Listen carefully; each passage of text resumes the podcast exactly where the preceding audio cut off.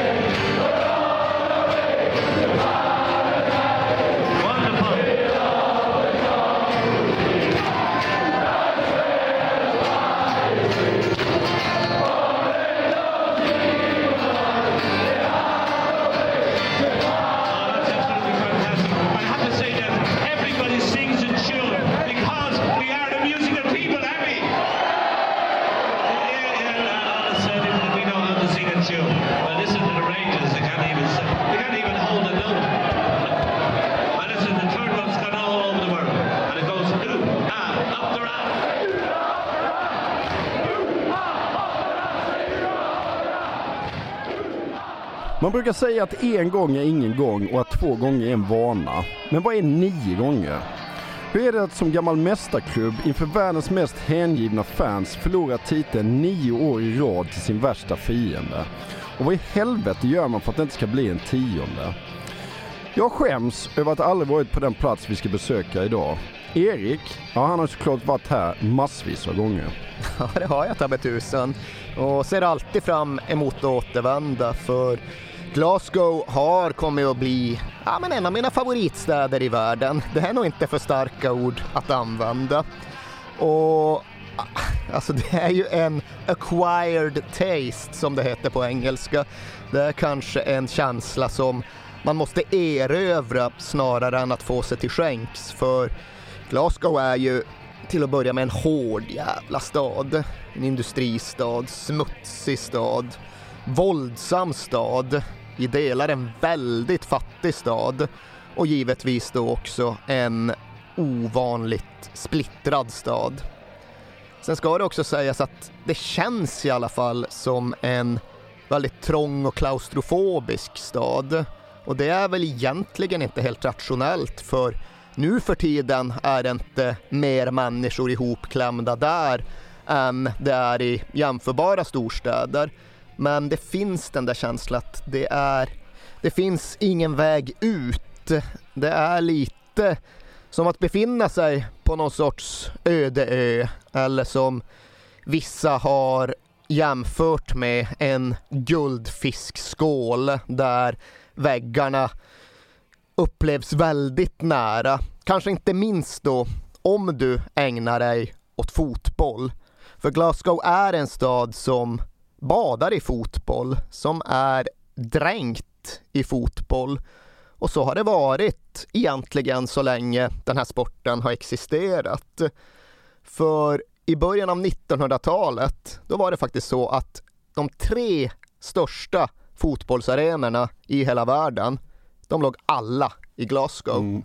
Eh, och Hamden Park, nationalarenan, det var ju den största och det var ju ett ställe där eh, med med viss regelbundenhet eh, samlades 140 150 000 åskådare. Hade inte de världsrekordet många år? I alla fall Europarekordet. Ja. De kanske hade världsrekordet fram till VM i Brasilien 1950, för det är väl numera sett som det officiella världsrekordet. Ja, Trots att ingen vet hur många som var på Maracana, mm. så bara höfta folk. Ja men det var väl 220 000 ja. och så är det världsrekord. Ja. Men Hamden hade sisådär 150 vid några tillfällen. Där tror jag i och för sig också att det är så räknat ner på minsta åskådare, att de har koll på hur många gånger vändkorsen har klickat. Ja, så att det är så 151 837. Och det tror jag fortfarande står som Europarekord, som den högsta officiella publiksiffran någonsin i Europa. Och det var ett halvsekel som den arenan var så enormt stor. Under den tiden så var ju den skotska cupfinalen sett till åskådarupplevelsen en mycket större grej än till exempel den engelska FA-cupfinalen. Mm. Det finns en 44-årsperiod då den skotska cupfinalen på Hampden Park i Glasgow hade en snittpublik på 109 000. Oh. Det var liksom, det var en medelsiffra. Mm. Och det där är ju någonting som har slagit mig varje gång jag kommit till Glasgow. Det här med att alla där är fotbollsintresserade. Eller intresserade är fel ord. Alla är påverkade av fotboll. Alla har sin nedärvda fotbollslojalitet. För jag kan väl inte säga att alla är intresserade. Jag har suttit flera gånger i Glasgow på någon pub eller i någon taxi och pratat med folk som säger sig hata fotboll. Som liksom avskyr hur mycket fokus som fotbollen drar till sig. Hur all aggressivitet och all sekterism som fotbollen där för med sig förpestar staden. Och de konversationerna brukar ju leda fram till en punkt där liksom säga att ja, okej, okay, så nu när det är Old Firm nästa vecka, då bryr dig inte du om vilka som vinner. Jo, jo, för helvete ja. liksom. Ja, men du gillar ju inte fotboll. Du har väl liksom inga intressen här. I'm Rangers to the core. Ja. Men eh, börjar de prata om Slim Jim Baxter på 1960-talet. Men det är precis som de här brassarna du intervjuade inför fotbolls-VM. Exakt, ja. som liksom avskyr någonstans vad fotbollarna kommer att bli, men ändå har fotbollen liksom intravenöst i kroppen. Den bara finns där som ett blodomlopp och sen kan det blodomloppet vara förpestat eller inte i deras egna sinnen men det går liksom inte att komma bort från mm. det. Det finns inga i Glasgow som inte tillhör den ena eller den andra sidan eller på att säga, men som i alla fall inte vet vad de två stora fotbollsklubbarna i staden står för och representerar, som inte förstår hur de två klubbarna är institutioner som både speglar och formar Glasgow på ett sätt som är helt omöjligt att förbise. Ska vi gå till botten vad, vad Celtic och Rangers egentligen är för klubbar då? ja, då, då, har vi att göra. Ja. Eh, men ja visst, det är väl värt att stanna lite längre än att bara slänga ur sig det här med att Celtic, ja, det är katolikernas klubb och Rangers är protestanternas klubb. Mm. För det är väl rätt ofta så att det är något man säger utan att riktigt kanske förstå vad det egentligen innebär. Och att gå tillbaka till någon sorts rot eller kärna, det är ju lite jobbigt och det är lite snårigt och man måste gräva rätt djupt för vi får väl i alla fall lov att gå tillbaka till 1500-talet och den kristna reformationen. ja. ja. det behöver vi någonstans göra. Den åttonde liksom. Ja. ja, vi måste definitivt tillbaka till slutet av 1600-talet och det som vi i Sverige eh, refererar till som de Wilhelmska krigen. Och ska vi göra det någorlunda lättfattligt och begripligt så kan vi väl helt enkelt säga att ja, de Wilhelmska krigen kretsade kring huruvida det skulle vara protestanterna eller katolikerna som styrde över de brittiska öarna inklusive Irland. Och det här kriget kom att bli definierande. De här slagen kom att bli avgörande. Och det gör ju just att i historien om Rangers och Celtic och klubbarna de är och fotbollen de spelar, då hör det faktiskt till att ha någon form av förståelse för vad som hände vid belägringen av Derry 1689 eller slaget vid floden Boyne året efter 1690. Och det som hände, ja, det var ju rätt och slätt att protestanterna vann. Mm. Protestanterna tog kommandot över Storbritannien och Irland och så har det ju kommit att förbli under århundraden sedan dess. Och sen finns det ju en miljard händelser och dispyter och förvecklingar och tragedier. Men nästa stora historiska svep man bör ha i ryggen, det är väl den stora svälten som rådde på Irland i mitten av 1800-talet potatisskörden slog fel. Potatispesten ja. Och det är ingen liten sak Nej. för ja, folk svalt, folk dog, folk var tvungna att lämna Irland och det var ju tiotusentals irländare som tog sig över det stora havet bort till det stora landet i väster. Men de som kanske inte hade råd eller kraft att åka till USA ja, många av dem hamnade i det mer närliggande Skottland och i den stora hamnstaden med gapet mot Irland som heter Glasgow. Och ja, irländarna välde in i Glasgow. Och de var fattiga och de var smutsiga och de var ofta outbildade. Och de kom ju att behandlas därefter. De kom att ses på och behandlas som andra klassens medborgare i en stad som inte var särskilt välkomnande och som sådan länge skulle förbli. Och det ledde ju till att det som vi idag i Sverige refererar till som ett parallellt samhälle växte fram i Glasgow under andra halvan av 1800-talet. Eftersom att irländarna inte fick någon plats i det skotska samhället, i protestanternas samhälle, ja, då fick de lov att bygga sig ett eget. Catholics need not apply stod det på plakaten när det söktes arbetskraft nere i hamnarna. Så då fick väl katolikerna skaffa sig sina egna arbetstillfällen istället. De fick bygga sina egna butiker, sina egna företag, sina egna skolor och ja då med tiden sina egna fotbollsklubbar.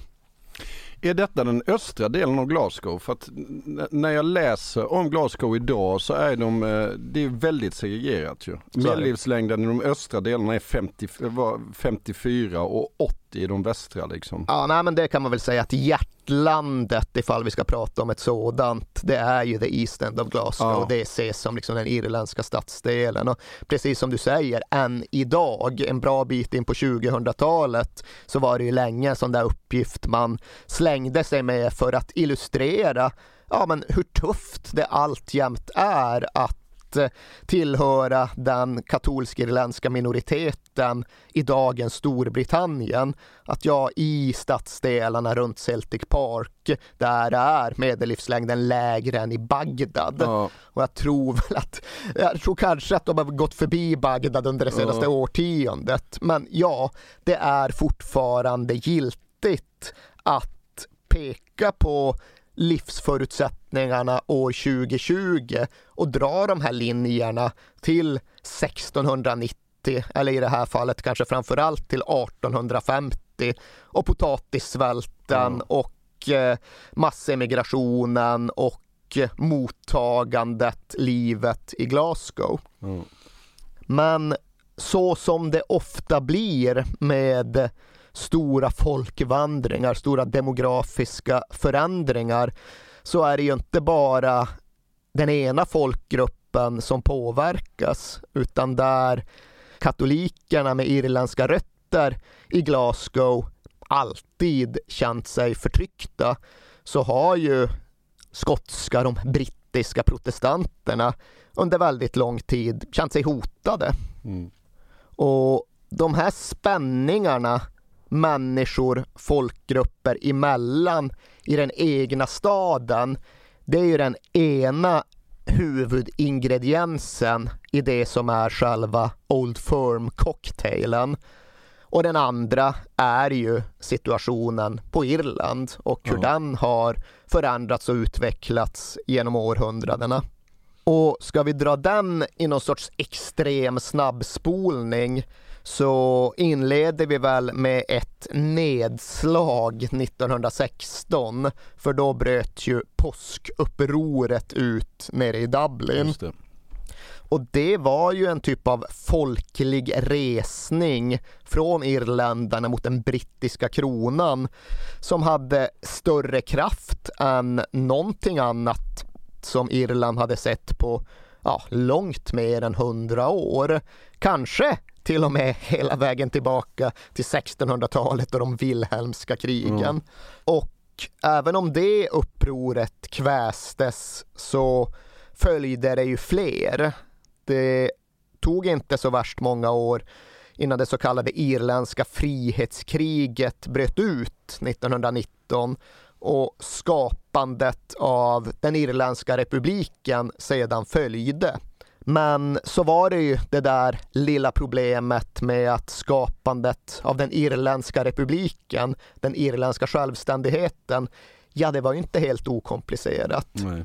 Det irländska frihetskriget följdes snabbt av det irländska inbördeskriget. Och det irländska inbördeskriget utgick ju ifrån frågan om huruvida det enda som var värt något var enat Irland eller om den framkomliga kompromisslösningen var ett Irland som även inkluderade en del uppe i nordöst som fortfarande kontrollerades av London, av Storbritannien. Och det här är ju frågan som ända sedan dess, under de nästan hundra år som har gått, har fortsatt prägla och plåga både politiken och befolkningen på Irland. Det är liksom frågan om Nordirland, om de sex distrikt där uppe i norr som blev kvar under brittiskt styre. Det som ibland slarvigt sammanfattas som Ulster, men som vi i Sverige då konsekvent refererar till som Nordirland.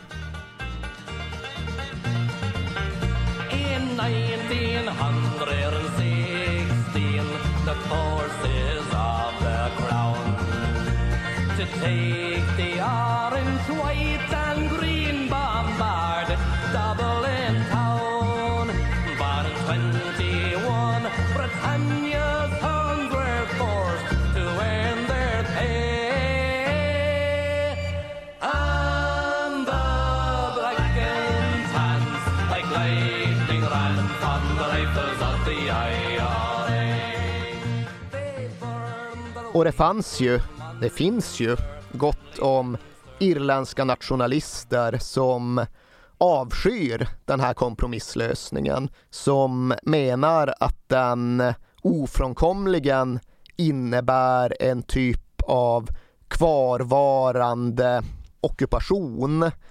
Och det var ju den hållningen, den synen på saken som drev IRA, den irländska republikanska armén, framåt genom ja, resten av 1900-talet. Och den irländska frågan försvann ju sannerligen aldrig, men ibland så syntes mest bara glöden och ibland så slog lågorna höga.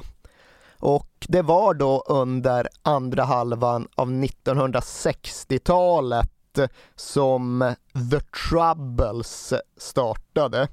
Och The Troubles, ja det, det, är ju en ganska typisk brittisk underdrift. Ifall man bara ser den termen fladdra förbi då kanske man tror att det syftar till halvannat år då det var lite rörigt på gatorna i Belfast. Men The Troubles är ju sammanfattningen av ett ja, tre årtionden långt asymmetriskt gerillakrig med epicenter i Nordirland, i Ulster. Och det går liksom inte att peka på en dag eller ens ett år då det verkligen satte igång. Men det var under andra halvan av 1960-talet och därför ett lämpligt tillfälle att vrida den här vindlande historiska snabbexposén tillbaka mot fotbollen. Ja men hur var andra halvan av 60-talet, eh, alltså fotbollsmässigt i Glasgow då? Det var väl på många sätt den lyckligaste tiden i hela Glasgows fotbollshistoria. Det var på många sätt en ganska lycklig tid generellt. Likt många andra platser i världen så finns det de som än idag pratar om sommaren 1967 som the summer of love. Ja. För det var den, de vindarna i luften. Det var musik och det var frigörelse och det var fotboll. Och de två stora Glasgow-klubbarna var riktigt, riktigt bra vid den här tiden. Rangers var svinbra. De hade gått till final i cupvinnarcupen redan i början av 1960-talet som den första brittiska klubben någonsin. Och försommaren 1967, ja då gick de dit igen. Då fick Rangers möta FC Bayern München i cupvinnarcupfinalen.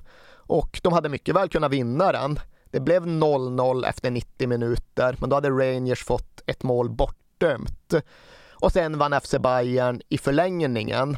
Men Rangers var ett av Europas bästa lag vid den här tidpunkten.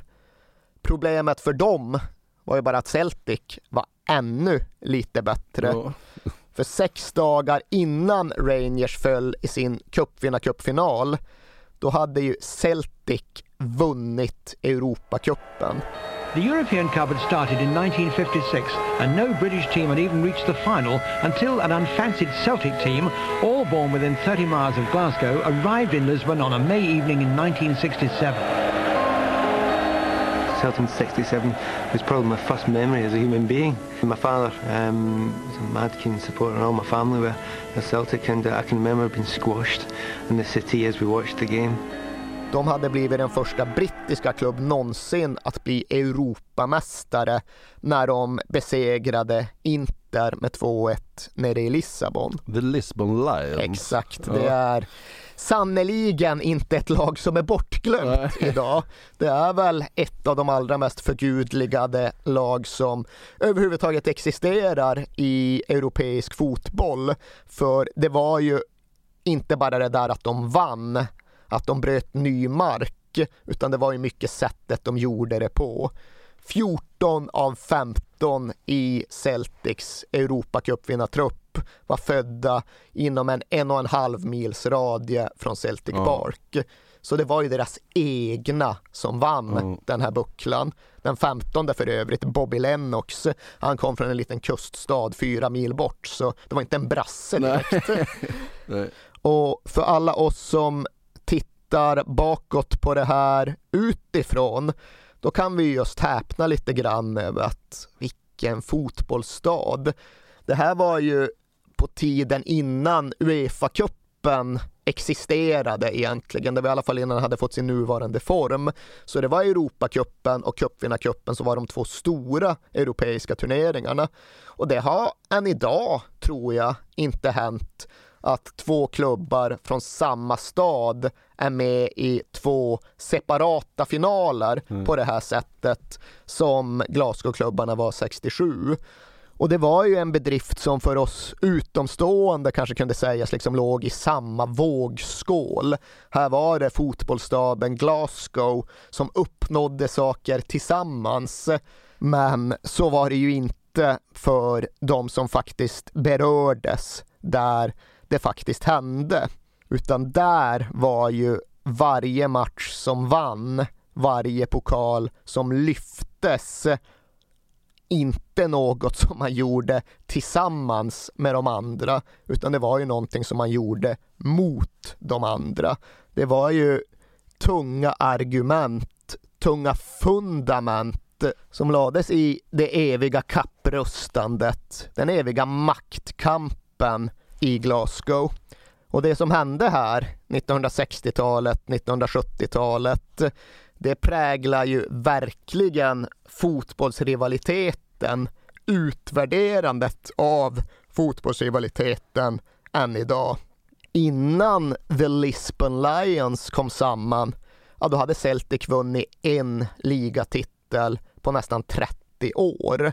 Nu så vann de inte bara Europacupen de vann dessutom nio raka ligatitlar. De vann nine in a row. Mm.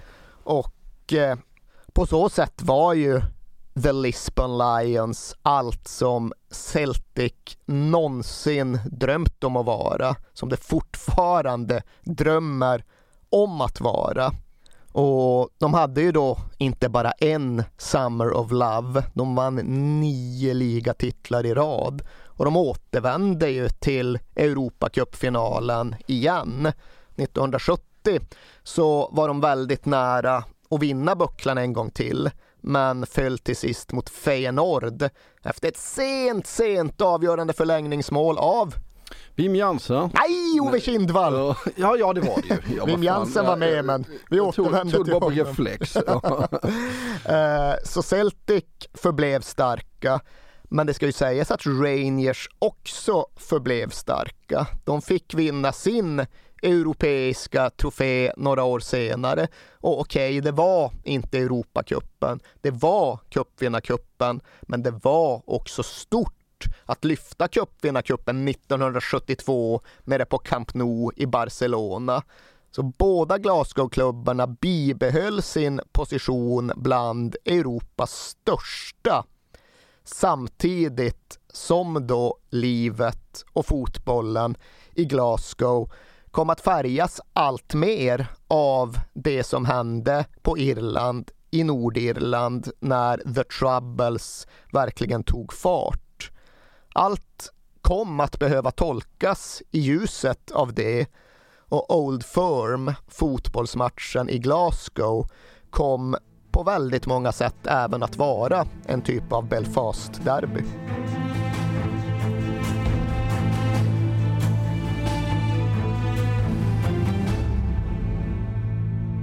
Jag vill inleda med att säga att det är garanterad jackpot på 13 miljoner på Stryktipset. Och fy fasen. Ja, visst. Skulle du behöva 13 miljoner eller? Ja, det skulle jag verkligen. Men vi måste säga först att vi är ju sponsrade av Stryktipset. Ett spel från Svenska Spel, Sport och Casino för dig över 18 år. Yes, och stödlinjen.se finns där för dig om du har problem med ditt spelande. Nej, men 13 miljoner jackpot på Stryktipset, det är ju inte fel. Nej, då är det faktiskt dags att ladda en rejäl rad här känns det som. Mhm. Vet du vad som inte heller är fel?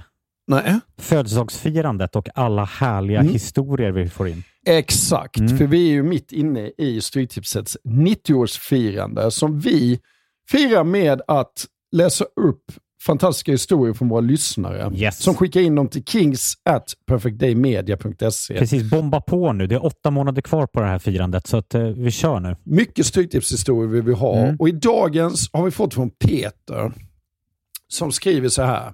Hej på er och tack för en helt otrolig podcast. Den har räddat mina veckor i snart fyra år. Tack så mycket Peter. Min historia är ganska färsk, men den om när det vände på stopptid gav kanske inte de största pengarna, men känslan i mig består. Jag spelar ofta för lite mindre pengar på Stryket, följer fotbollen men är långt ifrån en nörd. Och allt såg väldigt bra ut senast, förutom på min etta på Manchester United mot Brentford. Var ändå väldigt, eh, var ändå väldigt nöjd med hur resten satt. Men på stopptid satte min nya favoritspelare, skotten McTominay, två mål och vändningen fullbordades. 64 rader blev 12 000 kronor. Tack för en bra Det är podd. otroligt. Ja. Tack för en bra historia Peter. Ja, och som man älskar Scott McTominay. Gör man inte det? Ja, det- gör man faktiskt. Han liksom kommer in i straffområdet jävligt bra faktiskt. Mm. Vi säger stort tack till våra vänner på Stryktipset. Tack.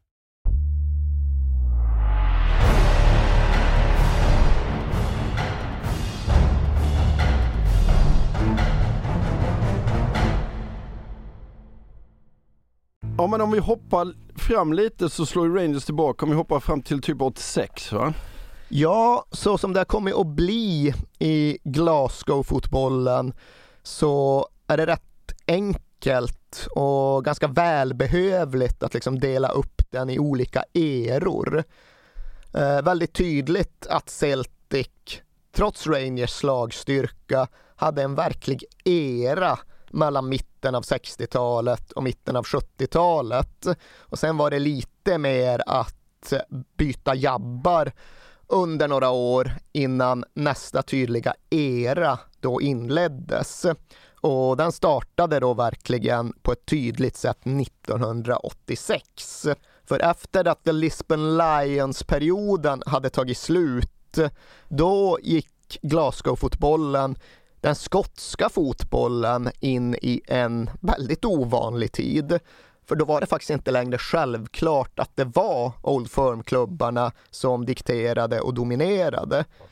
Under första halvan av 1980-talet så pratades det inte lika mycket om The Old Firm. Det pratades istället en väldig massa om The New Firm som då bestod av Dundee United som gick och vann ligan vid ett tillfälle, som gick till semifinal i Europacupen och final i Uefa-cupen där de föll mot Uh, IFK Göteborg. Ja, exakt. Ja. Uh, men det pratades då ännu mer om Aberdeen under Sir Alex, Alex Ferguson. Ja. För de vann ju inte bara ligan en gång och de nådde ju inte bara en final i det europeiska kuppspelet. De vann ju faktiskt ligan tre gånger. De vann fyra olika skotska cuper och de vann till och med cupvinnarcupen mot självaste Real Madrid på, på självaste Ullevi. Ja. Och idag känns det smått otroligt att titta tillbaks på de här åren av New Firm-styre i Skottland. Får säkert lov att återkomma till det en dag. Ja. Men nu konstaterar vi istället att den historiska parentesen fick sitt slut våren 1986.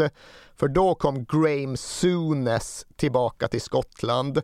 Då lämnade han Sampdoria och Serie A och då blev han faktiskt player manager, alltså spelande tränare för ett Glasgow Rangers som då inte hade vunnit den skotska ligan på åtta år. Och Graham Souness är väl en herre som många idag ser på med rätt stor misstänksamhet. Vad förknippar vi tränaren Graham Souness med, ja det är väl han som liksom förstörde Liverpool ja. och sen åkte ner och sabbade Benfica något alldeles fenomenalt och idag mest tycks vara en rätt liksom gammalmodig tjurgubbe i brittisk TV.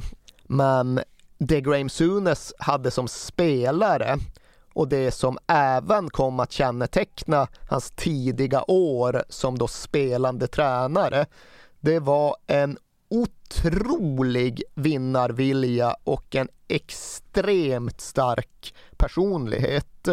Och han lyckades egentligen enbart genom sin egen kraft göra Glasgow Rangers till en helt annan klubb än de hade varit på rätt lång tid. Det han inledningsvis gjorde, det var ju att han började värva från England.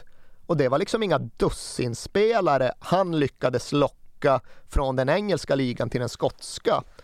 Han tog först Chris Woods och Terry Butcher. Och nej okej, okay, Chris Woods var väl inte ordinarie landslagsmålvakt vid den här tiden, för det var Peter Shilton, men det var ändå Englands landslagsmålvakt. Okej, okay, Terry Butcher var väl inte ordinarie landslagskapten vid den här tiden, för det var Brian Robson, men Brian Robson var ju alltid skadad. Ja. Så ja, Graham Souness han tog Englands landslagsmålvakt och Englands landslagskapten till en skotsk klubb. Han hade lite hjälp av att de engelska klubbarna var avstängda från europeiskt kuppspel vid den här tiden efter Heysel-tragedin. Men det var helt häpnadsväckande hur stark hans dragningskraft bevisligen var. För han stannade inte vid två engelska landslagsspelare. Med tiden fick han upp Ray Wilkins och Gary Stevens och Trevor Steven och Trevor Francis. Så det var ett helt halvt engelskt landslag mm. som han lyckades få till Ibrox under andra halvan av 80-talet. Så Graham Sunes, han gav framgången tillbaka till Rangers mycket för att han klarade av, vågade att leta efter framgång där Rangers kanske inte riktigt hade tittat tidigare. Sen ska det också sägas att Graham Sunes påbörjade Rangers uppryckning mer eller mindre på egen hand. Men han såg ganska snabbt till att skaffa sig en bundsförvant med ännu större handlingsutrymme. För 1988 fick Rangers en ny ägare och det var en kompis till Graham Sunes, en affärsman som hette David Murray. Och det var Graham Sunes som liksom låg på honom, som gav honom en armbåge i sidan, som sa ja men det är möjligt, det går att köpa Rangers nu, kom igen David, gå in, gå in, då ska vi göra ännu större saker. Och på samma sätt som Graham Sunes var en fotbollsman som inte såg hinder och begränsningar så var David Murray en affärsman som inte såg hinder och begränsningar. Han hade väldigt goda kontakter inom bankväsendet och han såg till att utnyttja dem, att använda sig av dem. I'll buy the League var en av de tidiga sakerna han sa som Rangers-ägare. Ifall det krävdes pengar för ligatitlar, ja, då tänkte han betala pengar för att köpa sig ligatitlar. Varje gång Celtic spenderar 5 pund så ska vi spendera 10, var en annan sak som han sa. Nu hade han en förtrogen som var lika ambitiös och tävlingsinriktad som han själv var.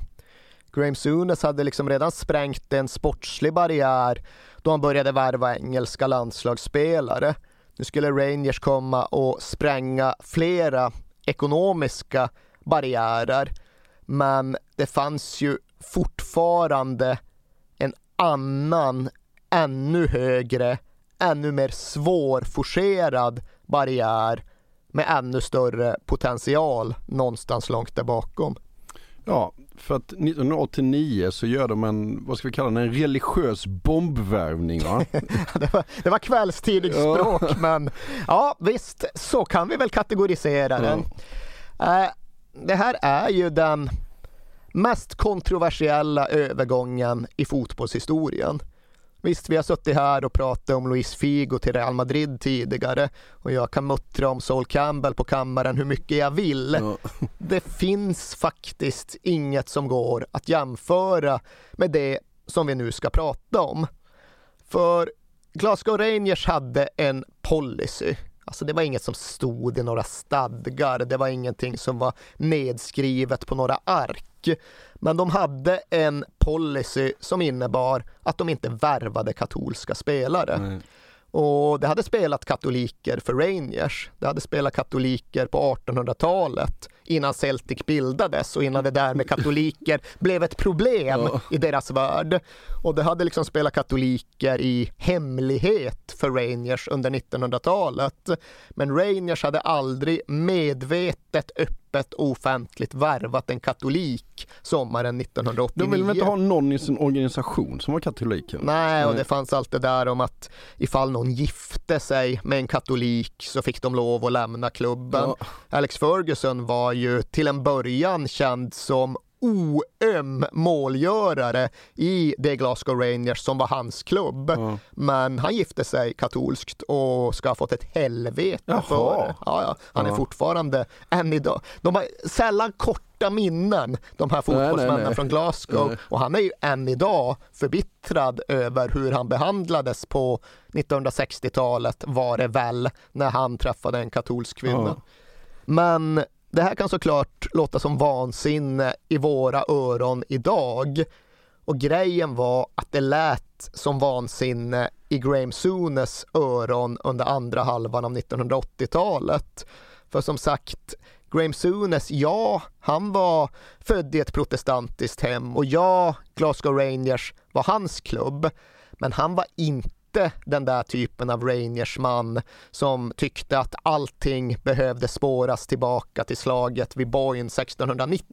Han tyckte att det liksom gick att spela fotboll utan att alltid utgå från det. Han ville vinna. Han ville vinna matcher, han ville lyfta bucklar och vilka som hjälpte honom att göra det, det var väl skitsamma mm. så länge Glasgow Rangers i slutändan stod som segrare. Han hade dessutom också en katolsk fru och han hade låtit döpa sina barn katolskt så han hade väl även vissa personliga skäl att försöka avdramatisera vissa saker och desarmera vissa bomber. Men för att desarmera en bomb, ja, då behöver man väl först kanske aptera en bomb. Och det som då hände sommaren 1989, ja, det är återigen en transferkarusell som saknar motstycke. För det var inte bara så att Glasgow Rangers värvade en spelare från en dag till en annan, utan allt det här kretsade då kring Mo Johnston, den skotska landslagsanfallaren Mo Johnston, Celtic-mannen Mo Johnston, som hade vuxit upp med Celtic, som hade lämnat Celtic och gjort två år i franska Nantes, men som under den tiden försäkrade att ja, men, det var liksom lite bråk med klubbledningen men egentligen ville jag ju aldrig lämna. Jag skulle aldrig kunna spela för en annan brittisk klubb än Celtic. Och därför var det ju liksom ingen överraskande händelse när Mo Johnston den 12 maj 1989 står med grönvit randig tröja bredvid managern på Celtic Park och i praktiken presenteras som återvändande Celtic-spelare. Och det här var ju en stor sak för Celtic, för det här var någonting som skulle kunna få maktbalansen i fotbollsstaden att tippa tillbaka i deras riktning.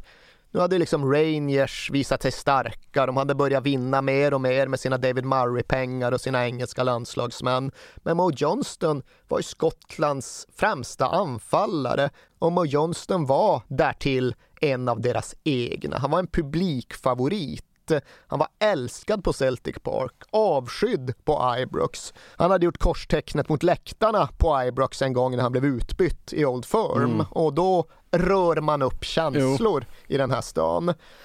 Han var inte den här liksom nedtonade yrkesmannen som bara gjorde sina mål och sen åkte hem, utan han var en kontroversiell, nästan lite playboy-lik striker med kvalitet för att backa upp sin attityd.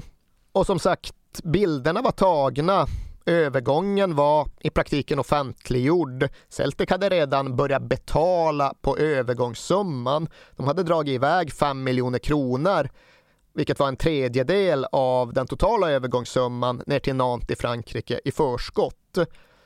Och det är ju allt det här som liksom bidrar till donationen till krevaden som får Glasgow att skaka i början av juli när då Mo Johnston presenteras officiellt som Glasgow Rangers nya anfallare. Mm. Good evening. Glasgow Rangers today ended their long-standing policy of not signing Roman Catholic footballers, and they did so in the most dramatic fashion, securing the transfer of the former Celtic star Maurice Johnston from the French club Nantes. The news is doubly controversial because just weeks ago it looked certain that Johnston would be returning to Celtic before that deal broke down amid legal threats. He now becomes the first Roman Catholic to be signed for the Rangers first team in modern times. The player himself said today, I didn't think it was possible that I would become a Rangers player. He was aware of the problems. Obviously, it's going to be difficult, he said, but I can overcome that. And he added pointedly, I won't be living in Glasgow. The sensational deal was welcomed by Labour spokesman on Scottish sport, the MP Brian Wilson. He described it as a quantum change in Scottish football and possibly in Scottish society. Immediately after today's shock announcement, the player was flown by private jet from Glasgow to Tuscany in Italy, where the Rangers squad are in pre-season training. Vilket jävla liv det måste ha varit. Ja, det... Nej, så sakna motstycke. Bokstavligt talat det finns ingen övergång inom fotbollen som har rört upp lika stora, lika intensiva känslor.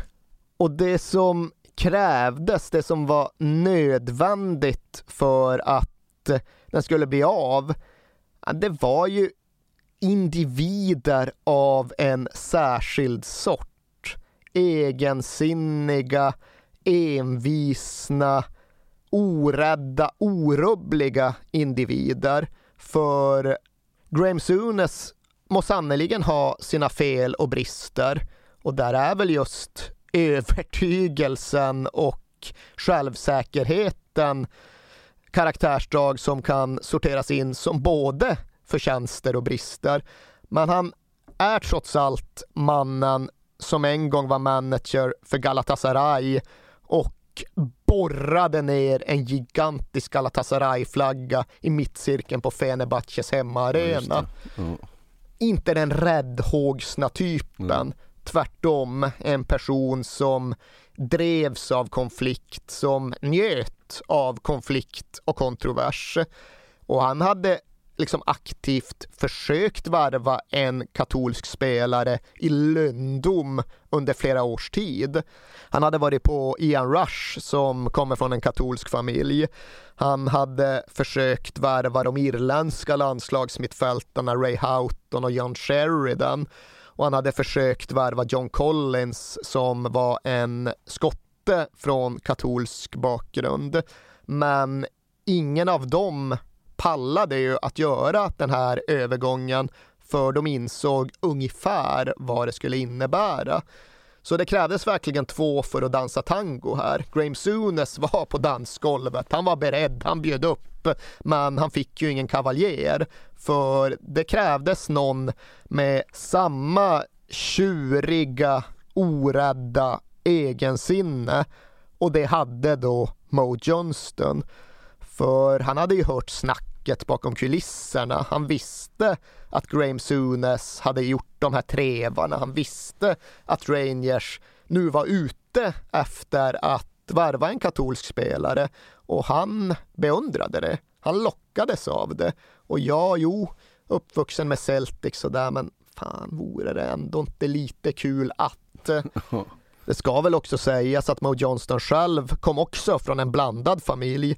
Hans pappa var protestant och Rangers-fan, men det hade ändå alltid varit en underordnad och undertryckt del av hans liv. Och sen är det klart att pengar var en del av det. Det fanns ju något i det här att Mo Johnston tyckte sig bli utnyttjad och bakbunden av Celtic. Han hade sagt det där med att äh, han kunde minsann aldrig tänka sig att spela för en annan brittisk klubb och då upplevde han att Celtic använde sig av de citaten för att erbjuda honom mindre pengar än han tyckte sig förtjäna. Och som sagt, Rangers under David Murray, ja, det var inte en klubb där pengarna var problemet, där pengarna var trögrörliga. Så han insåg i stort sett omedelbart att det skulle bli mycket mer lukrativt för honom att flytta till den blå sidan av stan. Men med allt det sagt så hade det ju varit en helt annan grej ifall Rangers första katolska värvning hade varit en spansk spelare ja. som inte riktigt mm. liksom var uppvuxen med allt det här. Mo Johnston visste mycket väl. Han var väldigt införstådd med hela bakgrunden och det innebar ju att han såklart tänkte 7, 8, 12, 18 gånger innan han väl bestämde sig. När Rangers tyckte att de hade honom på kroken så försvann han plötsligt. Han isolerade sig nere i Frankrike och gick överhuvudtaget inte att nå på flera dagar. Och där satt han för sig själv fundera fram och tillbaks. Kunde han, kunde han verkligen? För vid det laget så hade han väl egentligen bestämt sig att han ville göra det. Mm. Det fanns något i det förbjudna som lockade honom. Det fanns något i det ekonomiska som lockade honom. Men kunde han verkligen? Och till sist gick han då med på att, ja, okej, okay, kan vi i alla fall träffa Graham Sunes ytterligare en gång och se vad det ger. Och det var väl egentligen det som krävdes när Graham Sunes väl då flög ner till Paris för att ha ett möte på ett trottoarcafé nära Orly-flygplatsen. Mm. Då visste han med sig att han skulle komma hem med en signatur och det gjorde liksom att han valde ut pennan han tog med sig väldigt varsamt innan han reste och det medförde att han tog med sig samma penna med väldigt stor noggrannhet när väl pappret var påskrivet. För Graham Sunes visste ju att det här är inte en fotbollsövergång. Det här är en historisk händelse. Ja. Det är liksom som att skriva under ja, antingen någon typ av krigsdeklaration eller någon sorts fredsavtal beroende hur man ser på saken. Den där pennan, ja, den borde egentligen vara på ett museum framöver. Men i det där kontraktet så såg ju även Mo Johnston till att skriva in en klausul om att han kunde bryta avtalet precis när som helst utan förvarning och utan kompensationskrav och den klausulen såg han ju till att skriva in av en anledning. Mm. För även om han visste så visste han ju inte. För ingen kunde veta hur det här verkligen skulle landa och tas emot. Att det skulle bli upprört, givetvis, men vart skulle det sluta? Hur långt skulle allt snurra? Ja, det gick ju faktiskt inte att svara på. Nej.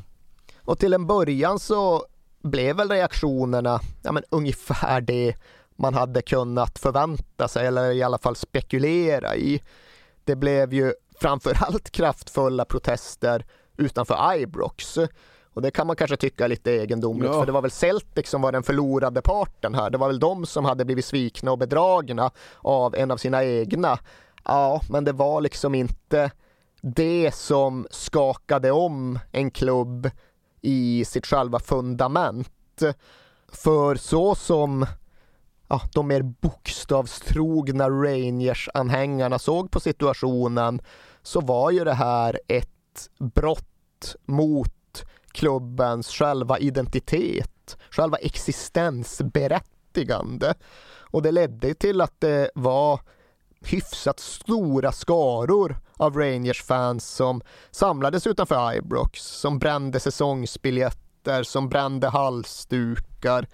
Det var någon som påbörjade en sittstrejk utanför vändkorsen och kom förbi en likbil och en krans lades ner med texten om så här 116 år av tradition som nu tar slut och hela den där grejen. Och när väl Mo Johnston började träna så ska Rangers dåvarande materialare ha vägrat att tvätta hans Ja, just det. utrustning. och det fanns en supporterfalang som liksom räknade ut sin egen ligatabell där Mo Johnstons mål inte räknades. And outside, the first signs of the storm which Rangers will now have to weather. I. Because you don't think he's a good enough footballer because he's a Roman Catholic? Because he's a Roman Catholic. Do you feel it's the kind of thing that would stop you being a Rangers supporter? Or are you happy to Oh, go on? of stop me and a lot of other people like that. The fans have already come to terms with a big influx of English talent. Now Souness must make them accept the ultimate outsider. Och Mo Johnston själv, han fick ju ett helt team av livvakter. De var sex stycken som jobbade skift för att ja, kunna skydda honom dygnet runt. Och han hade ju bombteam som svepte hans bil när han skulle ut och åka. Och ingen visste vart han bodde under den här tiden, men alla visste vart han hade bott och vilka fastigheter som han ägde och för den delen vart hans föräldrar och familj bodde. Och alla de husen blev ju mer eller mindre sönderslagna. Och det visade sig med tiden att Mo Johnson själv, han satt och tryckte i Edinburgh i ett hus som Graham Souness ägde. Så det är klart att svallvågorna blev höga och det är klart att det blev problematiskt. Men det ska ju också sägas att det faktiskt inte blev inbördeskrig av det hela. Liksom det, jag ska inte säga att det stannade inom det rimligas ramar för på så sätt går det inte riktigt att uttrycka sig när föräldrar får hus sönderslagna. Men på något sätt så går det väl ändå säga att kalkylen som Graham Souness på något sätt måste ha gjort, den höll väl ändå ihop. För Graham Sunes, han utgick ju bara från hur fan ska vi vinna matcher och titlar. Men tillsammans med David Murray så måste de ju också ha haft den här känslan att ja, trots allt, trots historien, trots the troubles så är nog fan tiden mogen efter hundra år av exkludering så är nog faktiskt både samhället och fotbollsklubben ändå framme vid en punkt där det klarar av att acceptera en katolsk fotbollsspelare i blått. Och i slutändan så var det ändå där som allting landade. När vi ska liksom utvärdera vad allt det här med Mo Johnston ledde till så går det inte riktigt att sitta och påstå att ja, men det ledde till ökade spänningar i det skotska samhället. Så blev det inte, om något snarare tvärtom. Däremot så finns det absolut en sportslig summering att göra. Och där är det väl bara att ge Graham Sunes rätt. Hans kalkyl var den korrekta. För den här övergången var ju givetvis en sån jäkla maktdemonstration av Glasgow Rangers. Vi brukar prata om den tyska fotbollen där FC Bayern värvar både för att förstärka sig själva och för att samtidigt försvaga motståndarna. Mm. Det här var ju det i kubik. Och under den här tiden hade Celtic en, ja, men en bärande spelare, en vicekapten som heter Peter Grant. Och han har återvänt till hela den här Mo Johnston-sommaren och väldigt tydligt bara satt fingret på den. För mig var det ögonblicket som kostade Celtic de nio åren av tortyr. Det var det ögonblicket den sommaren med 100 procents säkerhet. För det som hände nu, det var ju att Rangers gick in i sin era av dominans, sin nine in a row-period. Victories over St Mirren and Hibs inside four days was the perfect build-up to the first Ibrox Old Firm encounter.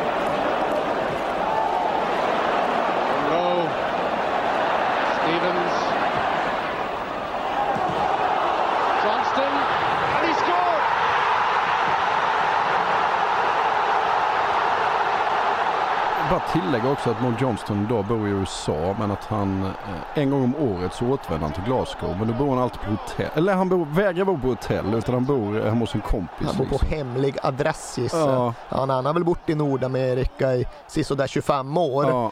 Och det går såklart att utläsa saker av det. Ja, men sen så är det roligt också för att han har ju tvillingsöner som idag är typ 20-årsåldern. Där den ena håller på Glasgow Rangers och den andra håller på Celtic. Mm, ja, jag har sett det. Ja. Jag har dock inte hört dem prata i detalj om hur de ser på sin familj och deras fotbollslojaliteter. Det skulle vara kul att höra dem göra det någon ja, gång. Ja, precis. Men ska vi dra 90-talet då?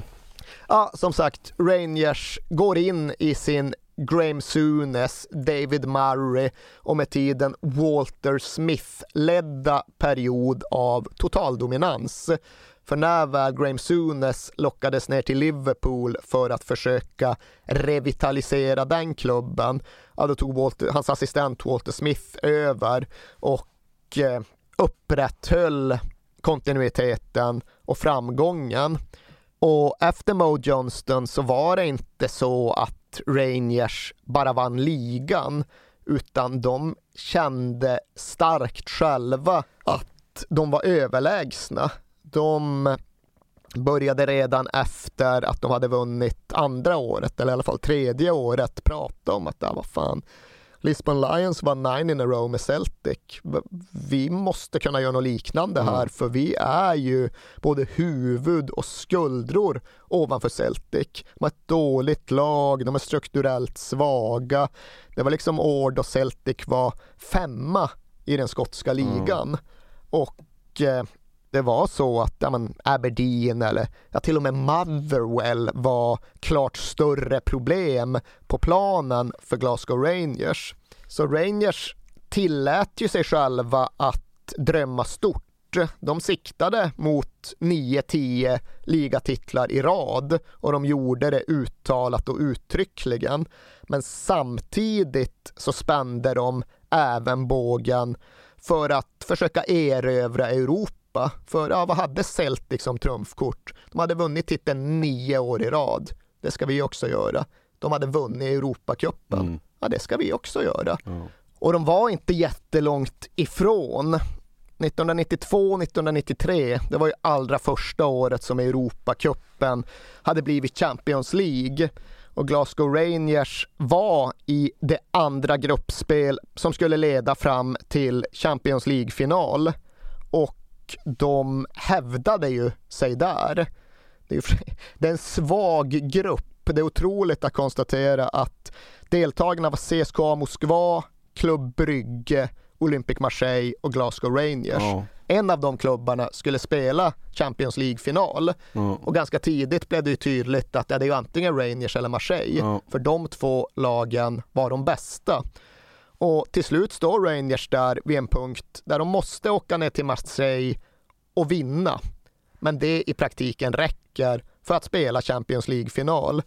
Och ja, det här var ju Bernard Tapis Marseille. Det Mm. var inte ett helt okontroversiellt motstånd. Det är inte en match som saknar efterspel, men den slutar 1-1. Rangers är ett mål ifrån Champions League-final. Så de är ju nästan, nästan där. Och det var inte så att de bara liksom föll ihop och kapitulerade efter det heller, utan de värvade ju inte för att vinna den skotska ligan före Motherwell, utan för att vinna Champions League före Milan och Real Madrid. Det var så de tänkte. Det var så de spenderade sina pengar. Sommaren 1994 varvade de Brian Laudrup Mm. från Serie A. Och liksom det är ju en av Europas toppspelare. Absolut. Sommaren efter varvade de Gassa. Och jag vet inte om vi ska beskriva honom som en av Europas toppspelare, men potentialen hade han ju. Ja. Och framförallt i ryktet och auran hade han ju.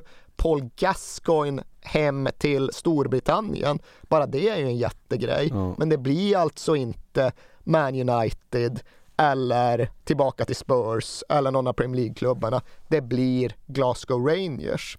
Betalar de så jäkla mycket mer då? Ja, de betalade mer eh, och de betalade ju med pengar som de inte riktigt hade, Ja. skulle historien komma att visa. Men de hade också en stark dragningskraft då. Det var inte så att den skotska ligan hade halkat så jättemycket efter, utan som sagt Rangers slog ju Premier League-mästarna Leeds under sin Champions League-säsong. Ja. Och Rangers hade en arena som var bättre än egentligen något som fanns i England. Där höll de på att bygga om arenorna efter Hillsborough-katastrofen. Ibrox var klar, Ibrox var färdig, Ibrox var alltid full. Och eh, känslan mitten av 90-tal, det var verkligen att Rangers var på väg. Ja. De var på väg uppåt och de hade lämnat den inhemska konkurrensen långt, långt efter sig. För samtidigt som Rangers försöker erövra Europa så kämpar ju Celtic för sitt liv hemma i Ja. Skottland. Ekonomin är bedrövlig, såklart. De kan inte ens spela hemma på Celtic Park just för att de måste bygga om den. Så de har en hel säsong i exil på Hamden Park och slutar så här fyra i skotska ligan.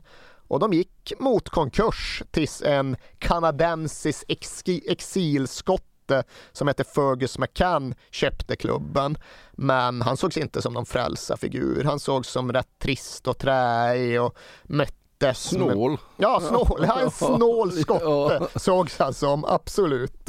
Och liksom lyckades lyckades överhuvudtaget inte generera någon energi och någon Han entusiasm. ser jävligt tråkig ut. Ja, det också. Liksom. Det, är det inte det ena så är det... Han såg inte ut som Gassa, det kan vi komma nej. överens om. Rangers fick Gassa, Celtic fick Fergus McCann. Ja.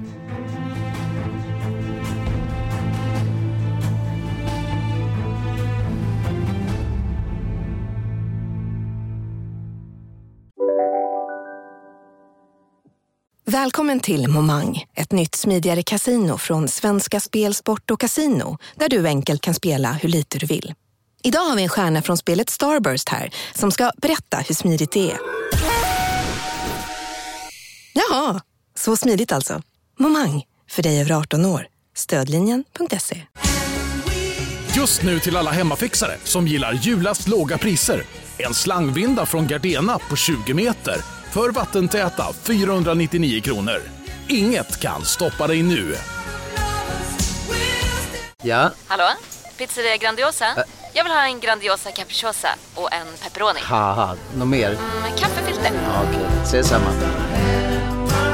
Grandiosa, hela Sveriges hempizza. Den med mycket på. Hur var det när Gassa kom till Skottland då? Ja, det finns många svar på den frågan och vi kan dra några av dem under det här programmet. Men kan ju bara börja med ett att ja, när han först kom till Skottland så var det ju liksom inte som när Mo Johnston återvände så tillvida att Mo Johnston visste någonstans vilka förutsättningarna var. Gassa kände inte till spelreglerna. Mm. Han hade väl kanske hört att Glasgow var en speciell fotbollsstad, men han sket väl i det. Ja. Han var ju Gassa. Och rätt tidigt började lagkamraterna i Rangers tydligen kalla honom för Ticker. Och det är en anspelning på den tickande bomben. Kom, tick, tick, tick, boom! Okej, nu hände något med Gassa liksom. Men de märkte ju att, ja de märkte vem Gassa var rolig, jävla konstig, märklig kille som eh, är rätt lätt att driva med för den som vill det. Och Rangers hade en spelare som hette Ian Ferguson, ja, men en klassisk Old Firm-spelare.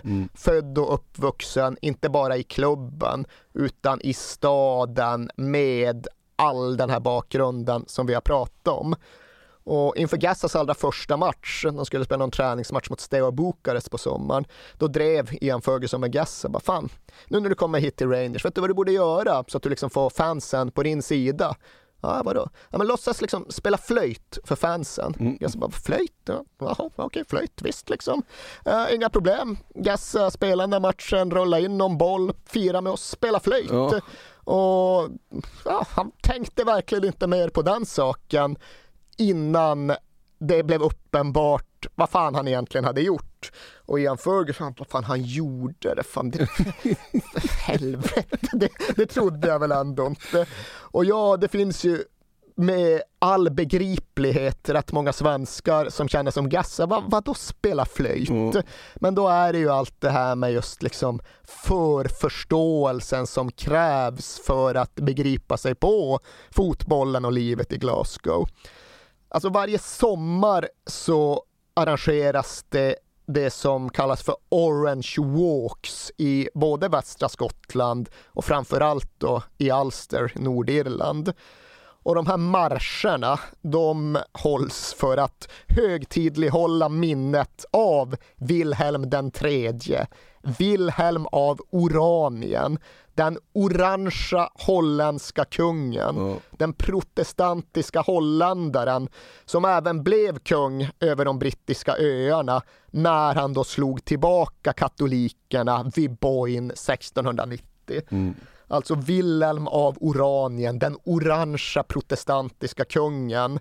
Det är den stora hjälten och det är minnet av honom och hans här som då högtidlighålls med de här orangea marscherna varje sommar i juli. De en marschsäsong som kulminerar den 12 juli.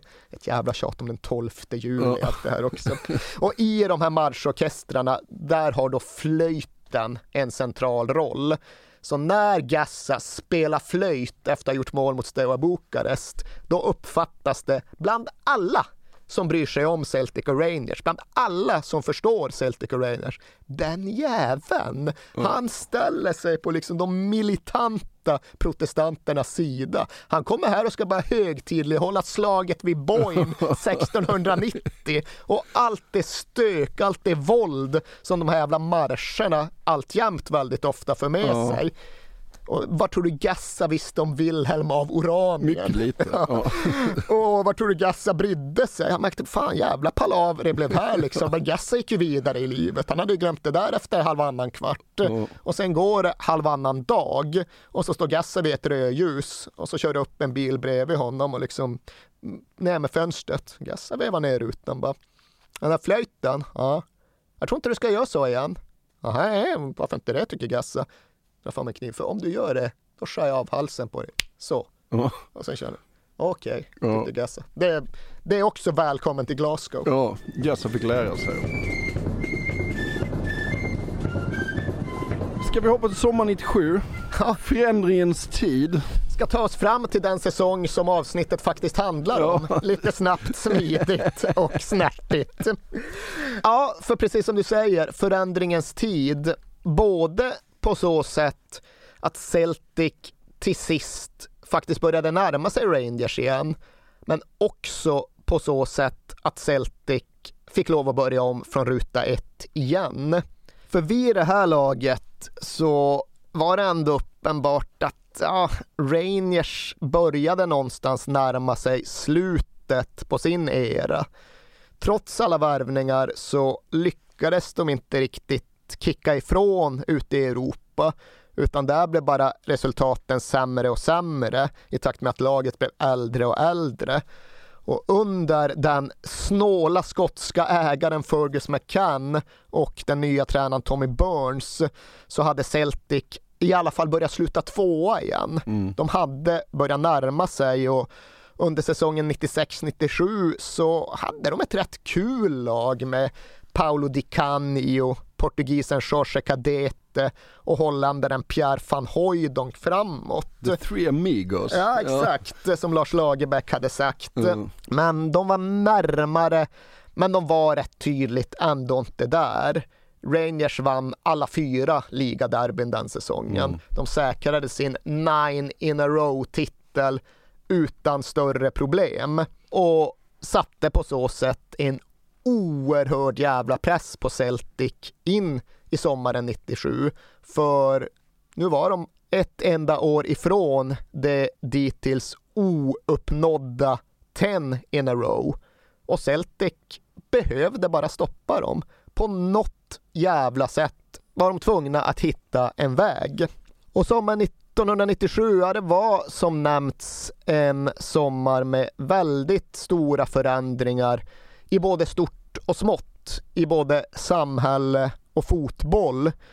Och den får sägas ha börjat innan sommarsolen ens hade hunnit fram. För det som hände i början av maj 1997, det var ju att Labour vann det brittiska parlamentsvalet för första gången på 18 år. Och det skulle komma att innebära en väldig massa olika stora saker, både vad gäller fredsprocessen på Nordirland och för den delen vad gäller livet i gatorna på Glasgow. För ja, de konservativa Tories, de hade aldrig haft sådär jättestarkt stöd uppe i Skottland och ifall du slog ihop Labours röster med det skotska socialdemokratiska självständighetspartiet SNP ja, då fick arbetarpartierna 67,7 procent av rösterna i Skottland vid det här valet. Tories fick 17,5 procent och ja, om det överhuvudtaget fanns några som röstade på Tories i Glasgow så höll de inte på Celtic. Så Nej. kan vi väl lite svepande överdriva och säga. Mm. Och nästan exakt samtidigt som den politiska ledningen byttes ut i Storbritannien, ja då byttes också den sportsliga ledningen ut i fotbollsklubben Celtic. För dagen efter parlamentsvalet, då gjorde sig Celtic, trots rätt goda resultat, av med tränaren Tommy Burns. Och det här underströk någonstans faktumet av att det här var tider av förändring, eller ja, till och med tider av turbulens. På sina första hundra år fram till 1990-talet, då hade Celtic totalt haft sex tränare. Under 1990-talet skulle de totalt sett komma att ha sju olika tränare. Men det här var i ett läge då det enda de hade vunnit på åtta år var en ynka skotsk cup samtidigt som då Rangers staplade bucklor på hög. Och den snåla skotsk-kanadensiska ägaren Fergus McCann, han tog beslutet om att nu ska vi styra det här på ett nytt sätt. Vi ska inte bara ha en allsmäktig manager, utan vi ska gå mot den kontinentala modellen där vi minsann har en huvudtränare och en sorts sportchef, en coach och en general manager Mm. som titeln kom att bli i Celtic. Och det första som gjordes var då att utse en general manager, en övergripande sportsligt ansvarig herre. Och den personen blev en man som heter Jock Brown. Och vi ska inte stanna jättelänge vid Jock Brown, men vi ska ändå nämna honom för han kommer att vara central den här säsongen. Och han var en kontroversiell utnämning. Han var ett oväntat val. Det var inte Mo Johnston direkt, men det var ändå så att Jock Brown sågs som en Rangersman.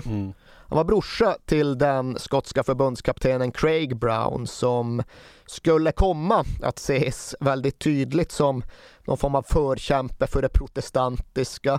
Och det är inte minst för att en tredje brorsa i familjen var en sorts präst i den protestantiska kyrkan. Mm.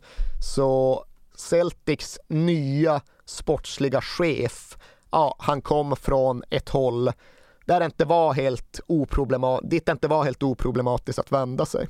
Och så skulle en ny tränare in och nya spelare. Ja, om vi börjar med tränaren så skulle han också komma att hämtas ja, men från en lite oväntad riktning.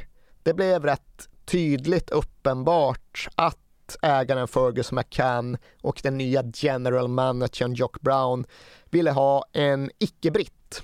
Och det trots att ingen utländsk tränare någonsin hade vunnit den skotska ligan.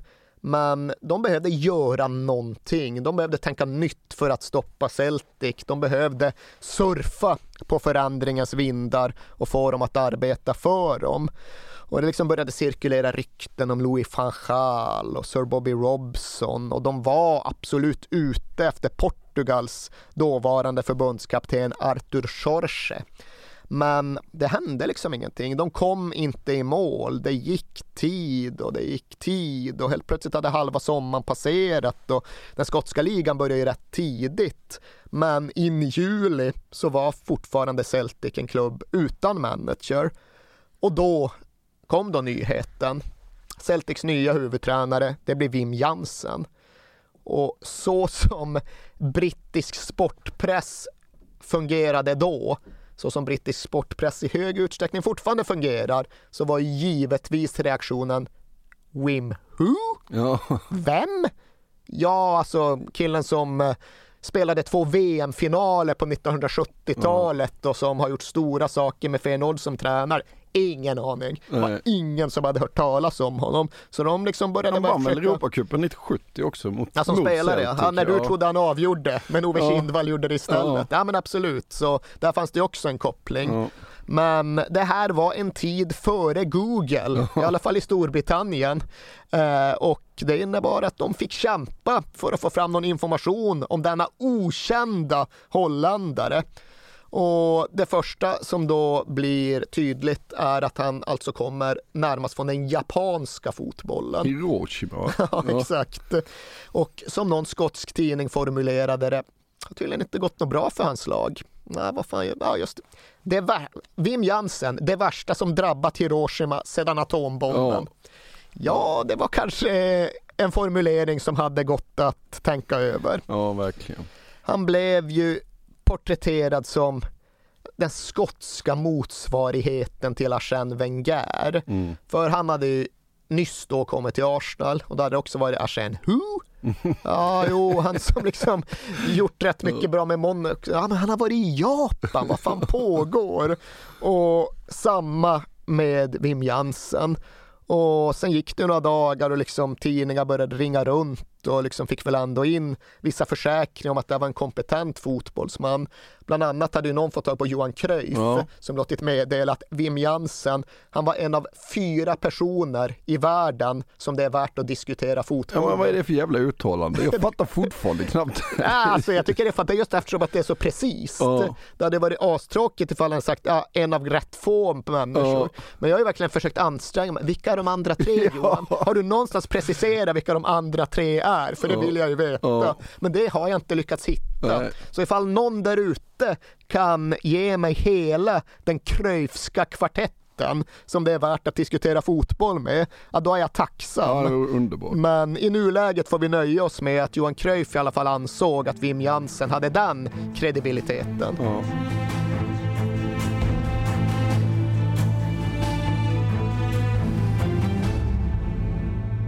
Laget då? Också under dramatisk kraftig förändring. För till att börja med så försvann några verkliga trotjänare, några verkliga kulturbärare som det kommit att heta i Sverige. Några fanbärare som det också har kommit att heta mm. i Sverige. Kaptenen Paul McStay tvingades lägga av efter 15 år i A-laget mm. och han var ju liksom Celtics hjärta. Vicekaptenen Peter Grant försvann också. Han drog ner till engelsk fotboll och Norwich. Och hela den här väldigt spännande anfallstrion som de ändå hade investerat så stora förhoppningar i, att den började också brytas isär. Pierre van Hooijdonk till att börja med, ja, han skulle försöka förhandla fram ett nytt kontrakt. Men det blev rätt snabbt tydligt att ah, han är inte så sugen på att lyssna på vad Celtic har att erbjuda. För Celtic erbjöd en månadslön som eh, vi kan konvertera till ungefär 350 000 svenska kronor.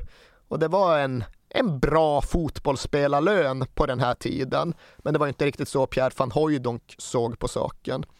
Okej, pengar för en hemlös kanske, men inte för en landslagsanfallare. Han har i efterhand förnekat att han har sagt det, men han har sagt Ja. det. Och sen kan han förneka det hur mycket han vill. Så van Hooijdonk skulle komma att försvinna och det skulle även portugisen Jorge Cadete. Han liksom var plötsligt bara borta, dök inte upp efter sommaren. kom något rykte om att han hade hepatit A och det blev aldrig riktigt klargjort hur det låg till med den saken. Men honom ville ändå Wim Jansen behålla så Celtic drog ner till Portugal med en delegation för att försöka övertala honom. General managern Jock Brown minns att de var hemma hos Kadete i nästan tre timmar. Men det starkaste minnet han tog med sig det var att det dels fanns en stor jävla TV på maxvolym där Kadetes alla mål från karriären gick i en ändlös loop och dels att all förhandling som Cadete bedrev gick genom hans dåvarande fru som låg ute vid poolen i bikini och liksom ropade in direktiv på portugisiska som Jaha. Jock Brown inte begrep. Så den förhandlingen gick inte heller i mål. Cadete försvann, Wim Jansen besviken. Och då ökade ju betydelsen av att i alla fall Paolo Di Canio skulle Mm. bli kvar. För han hade ju varit den bästa av de tre. Ja. Den mest komplicerade, trots att både van Hooijdonk och Cadete var märkliga. Ja. Men samtidigt också den mest begåvade och den bästa av dem. Han hade burit laget under stora delar av den dåvarande säsongen. Och Wim Jansen lät liksom Jock Brown och de andra veta att han är nyckeln för hela mitt lagbygge. Men DiCanio tyckte sig vara lovad en eh, kontraktsförbättring på sina egna villkor med både lön och klausuler. Och eh, det tyckte inte Jock Brown gick att lösa. Och även om Di ju lite snabbt dök upp på Celtic försäsongsläge på Irland så försvann han lika snabbt igen. Och det var i grund och botten så att Jock Brown bestämde sig för att spela hardball. Han tyckte att äh, men det är inte försvarbart att bara ge Di Canio allt vad han vill ha. Och det slutade med en lite egendomlig bytesaffär där Paolo Di Canio drog till Sheffield Wednesday och Celtic fick den lynniga yttern Reggie Blinker Ja, plus lite pengar i utbyte. Och Jock Brown tyckte att det var ekonomiskt helt okej, men Wim Jansen tyckte att det var sportsligt katastrofalt. Och det fick ju konsekvensen att hela det här nya sportsliga upplägget med en general manager och en huvudtränare, ja det skar sig innan det ens hade börjat. Ja. Jansen var asbesviken, Jock Brown tyckte att det var hans mandat att bestämma och de hade liksom inte sparkat en fotboll innan hela den där idén mer eller mindre hade kollapsat. Men hur blev det med lagbygget då? Ja, de fick ju in en hel del ändå eh, från när och fjärran och från höga och låga hyllor. Men ifall vi ska dra lagbygget lite snabbt som folk tycks vilja att vi ska göra så kan vi konstatera att eh, ny första målvakt var Jonathan Gold från Bradford City. Bobby Goldson va? Exakt, Ja. jag gillar att du har den referensen i kartoteket. För det är precis så alla alltid refererade till honom på den här tiden. Men nu har den gamla managerlegendaren Bobby Gold fallit rätt mycket i glömska. Ja. Men för oss som var med så kommer Jonathan Gold alltid vara Bobby Golds son. Han kommer att bli första keeper, mycket för att de hade en massa skadeproblem och annat på den positionen. Gjorde det jävligt bra med. Oprövad och bra. Ja, han var liksom inte välmeriterad. Nej. Sågs inte som ett starkt kort in i säsongen. Men kom som sagt att göra det stabilt och bra. Sen ville Wim Jansen i grund och botten spela med tre mittbackar. Och där fanns kaptenen Tom Boyd. Där fanns den högt ansedde engelsmannen Alan Stubbs och där fick de en liten bit in på säsongen in Premier League-meriterade dansken Mark Riper. Mm. Och där satt liksom fundamentet, det var de tre mittbackarna. Malky Mackay, som senare skulle komma att bli känd som främst Cardiff-manager, han fanns där som alternativ att jonglera med när någon saknades. Men Stubbs, Reaper, Tom Boyd, tre innebackar, stabilt, Mm. bra, solitt. Jag körde ju då med wingbacks i grund och botten. Och höger wingback var Jackie McNamara, Mm. egen lite så golden boy-skotte som var jävligt fräsch och pigg och ung och eh, kul att titta på. Och Det var liksom, det var bra. Det var Ja. bra. Och vänster wingback hade de länge haft en annan skotsk landslagsman som hette Tosh McKinley. Men honom gillade inte Wim Jansen av en eller annan anledning så han tog in en fransman som hette Stefan Mahé istället och gjorde en växling där. Och sen hade de då tre centrala mittfältare i grunduppställningen och där fanns dansken Morten Wighorst. Där fanns en skotte som hette Phil O'Donnell som var liksom duglig och omtyckt. Och så skaffade de sig Craig Burley, skotsk landslagsmittfältare närmast från Chelsea, som var ett av de liksom mest uppskrivna nyförvärven och han kom också att visa sig väldigt nyttig under säsongen. Men det var i stort sett det de hade, så det var absolut känsla av att de gick in i säsongen en man kort. Det, det är ju inte fem plus mittfält sådär. Det är inte ett fem plus lag om vi ska vara helt ärliga. Men eh, det var liksom Ja. uppenbart att även liksom i jämförelse med andra lagdelar så det behövde komma in någonting här. Både för att liksom spetsa och bredda. Och anfallet var ju också lite att ja, det fanns ett nyförvärv som hette Darren Jackson från Hibernian och han var liksom så här pålitlig skotsk eh, högsta ligaanfallare men ingen riktig liksom spelare med någon större potential i. Det fanns en östtysk som hette Andreas Thom som var rätt duktig Mm. men som mer och mer hade börjat användas som någon form av övergångsalternativ från mittfältet. Det fanns en ung egen kille som hette Simon Donnelly som var lite av ett kvicksilver men som nästan lika gärna kunde användas som en typ av ytter. Och så fanns det nya Reggie Blinker från Sheffield Wednesday som också främst var en ytter. Så det var också svagt och det var tydligt att det saknades dels en stor och stark target, en nia liksom, Mm. och dels ja, men en riktigt bra spelare. Ja. En spelare som på något sätt kunde mäta sig med Di Canio, Kadete och van Hooijdonk. Och en sådan krävde ju Wim Jansen helt enkelt att få in och han identifierade rätt snabbt vem det var han ville ha. Celtic looks like a very good club, so uh, I think it's going to do good to my uh, further uh, development as a player and as a human being. He's got tremendous uh, skills. He's got great personality as well, and I think he'll be an exciting player to watch.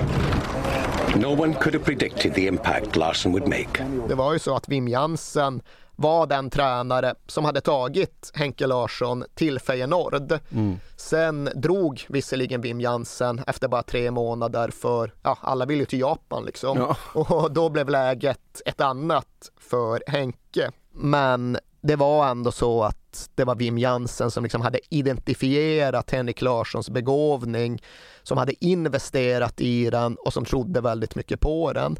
Sen är ju det här är också en sån här parentes som någon där ute gärna får hjälpa oss med. För när det återbörjar, ja, men hur gick det till när du hamnade i Feyenoord, Henrik Larsson? Jo, det var så att Wim Jansen åkte till Vångavallen i Trelleborg för att scouta en TFF-spelare. Men i den matchen så gick det bra för mig och därför valde han mig istället. Jag liksom kolla vilken Trelleborg-spelare kan det ha varit som Wim Jansen var sugen på? Väldigt intressant. Men jag har aldrig riktigt fått fram det. Nej. Så där kan också någon gärna höra Ja. av sig. Ah, ja. Hur det än var med den saken så hade ju i alla fall Henrik Larsson aldrig riktigt träffat rätt i Feyenoord. Efter några månader när Wim Jansen väl lockades av annat än varven i Rotterdam Jag har för mig att han drog till Saudi innan han drog till Ja. Japan, kan väl sägas.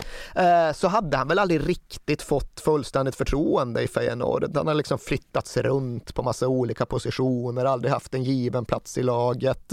Så han var ju trött och uppgiven sommaren 1997. Och faktum är ju att han var jättenära att bara flytta hem till Helsingborg igen.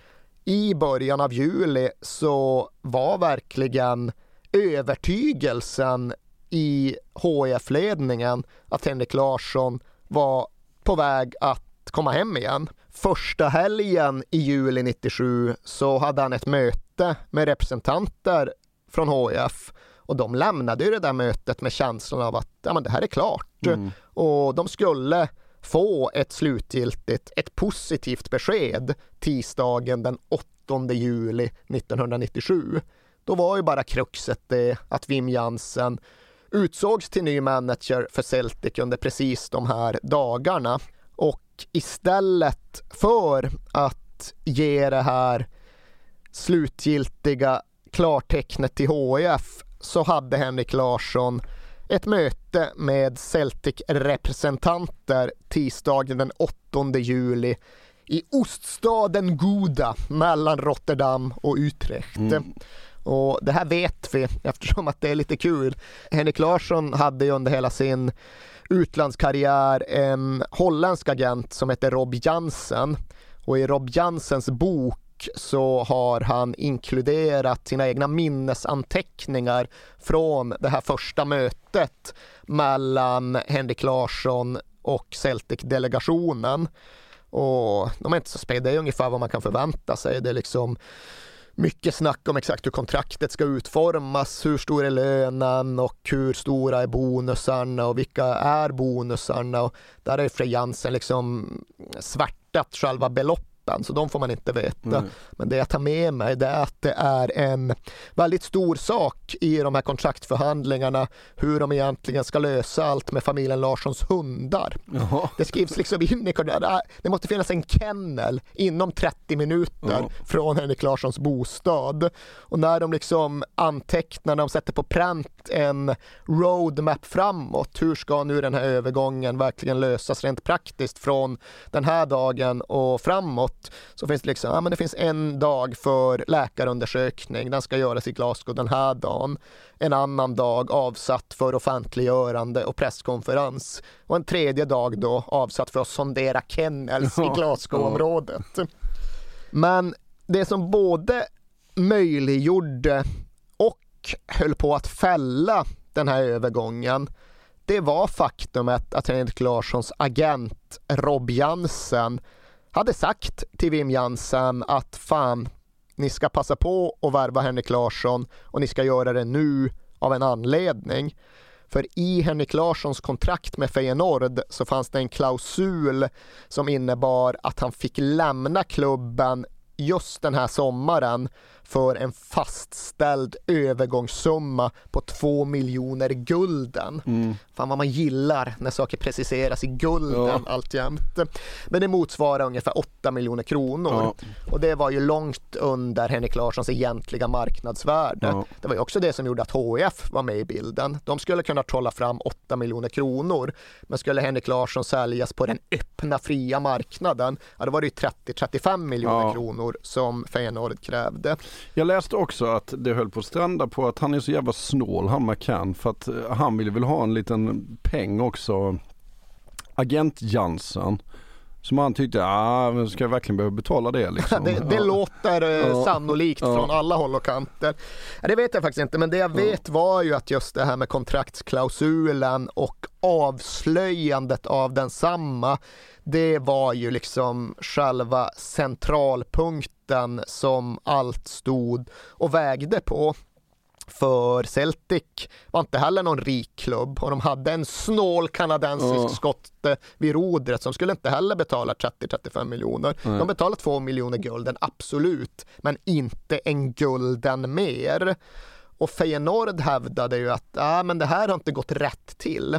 Visst, den här klausulen finns, men den skulle ju aldrig avslöjas. Nej. Någon typ av kontraktsbrott har begåtts av Rob Jansen när han berättar om det här.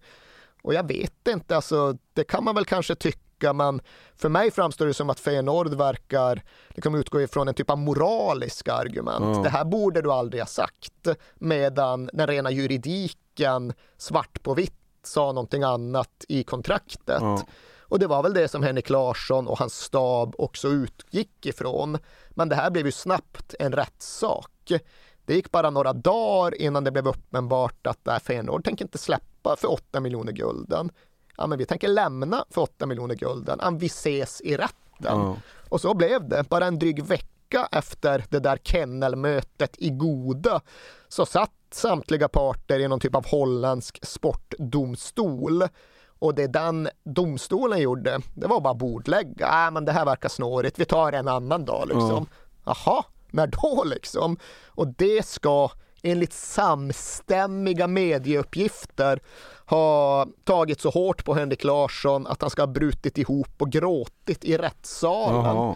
Och jag vet inte om det stämmer, jag har aldrig hört honom bekräfta det. Men ja, återigen samstämmiga medieuppgifter hävdar att Henrik Larsson satt där i rätten och grät när det inte kom något beslut. Och han har refererat till det som en nattsvart stund. Mm. Han liksom hamnade i en mörk tunnel som konsekvens.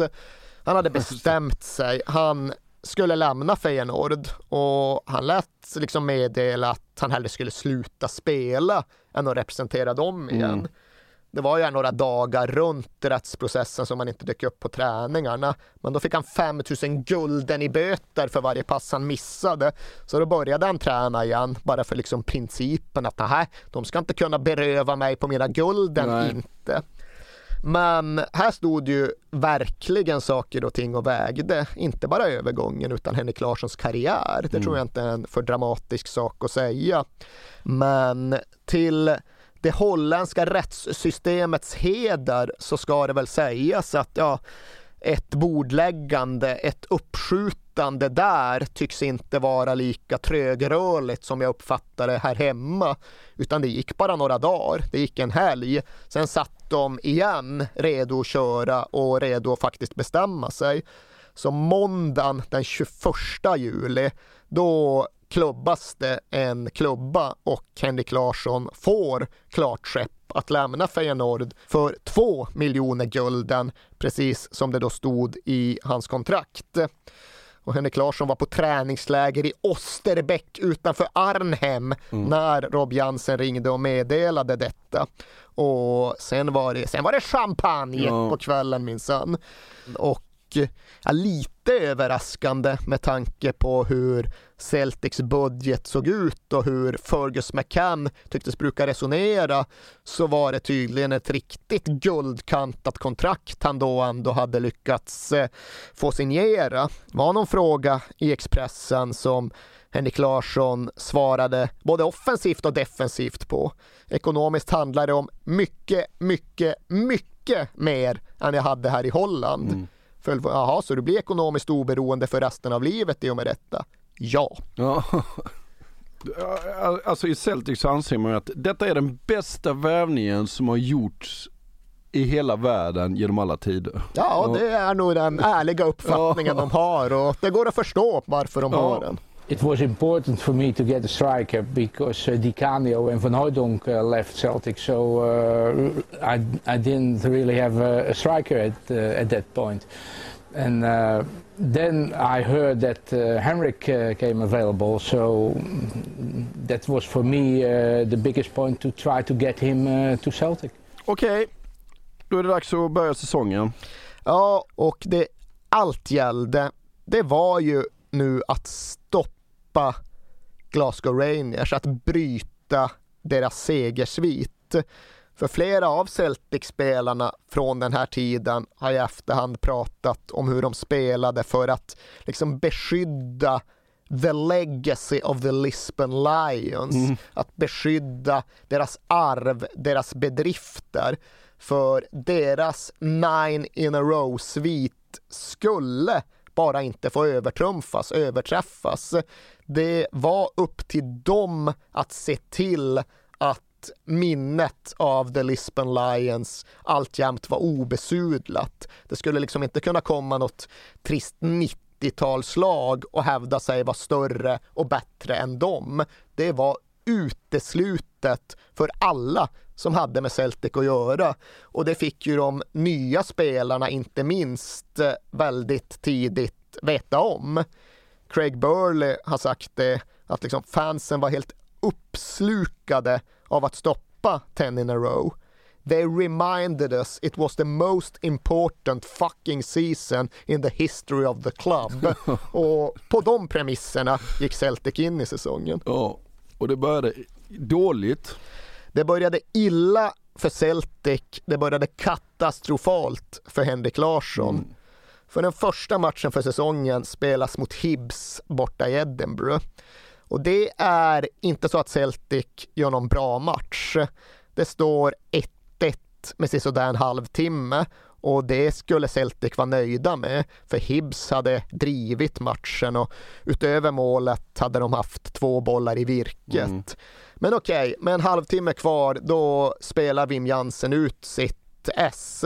Då ska liksom nyförvärvet från hans Feyenoord i hans Rotterdam minsann in och visa vad han kunde. Och okej, okay, Henrik Larsson han fick liksom utgå från någon typ av vänsterytter här, känna sig in i matchen. Men i stort sett det första som händer är ju att han slår en klassisk indianare. Ja, en passning snett in i banan strax utanför det egna straffområdet som då Celtic-fanatikern Chick Charnley bryter och dunkar in i mål för Hibs segermål. Henrik Larsson. Oh, given away. It's Chick Charnley! What a hit!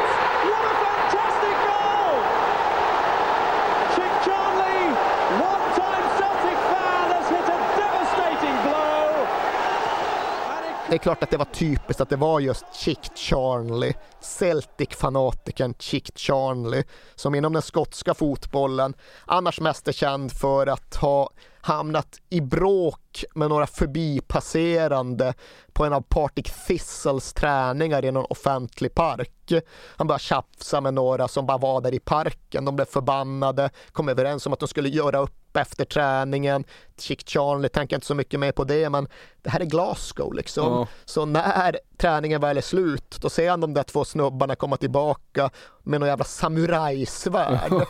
Chick Charlie tänkte, ah, fan det här var ju lite problematiskt. Lyckas nappa åt sig en trafikkon och fäkta bort de där killarna med samurajsvärden med trafikkonen. Ja. Det var Chick Charlies liksom främsta claim to fame fram till det att han avgjorde mot sitt Celtic efter Henrik Larssons katastrofala felpass.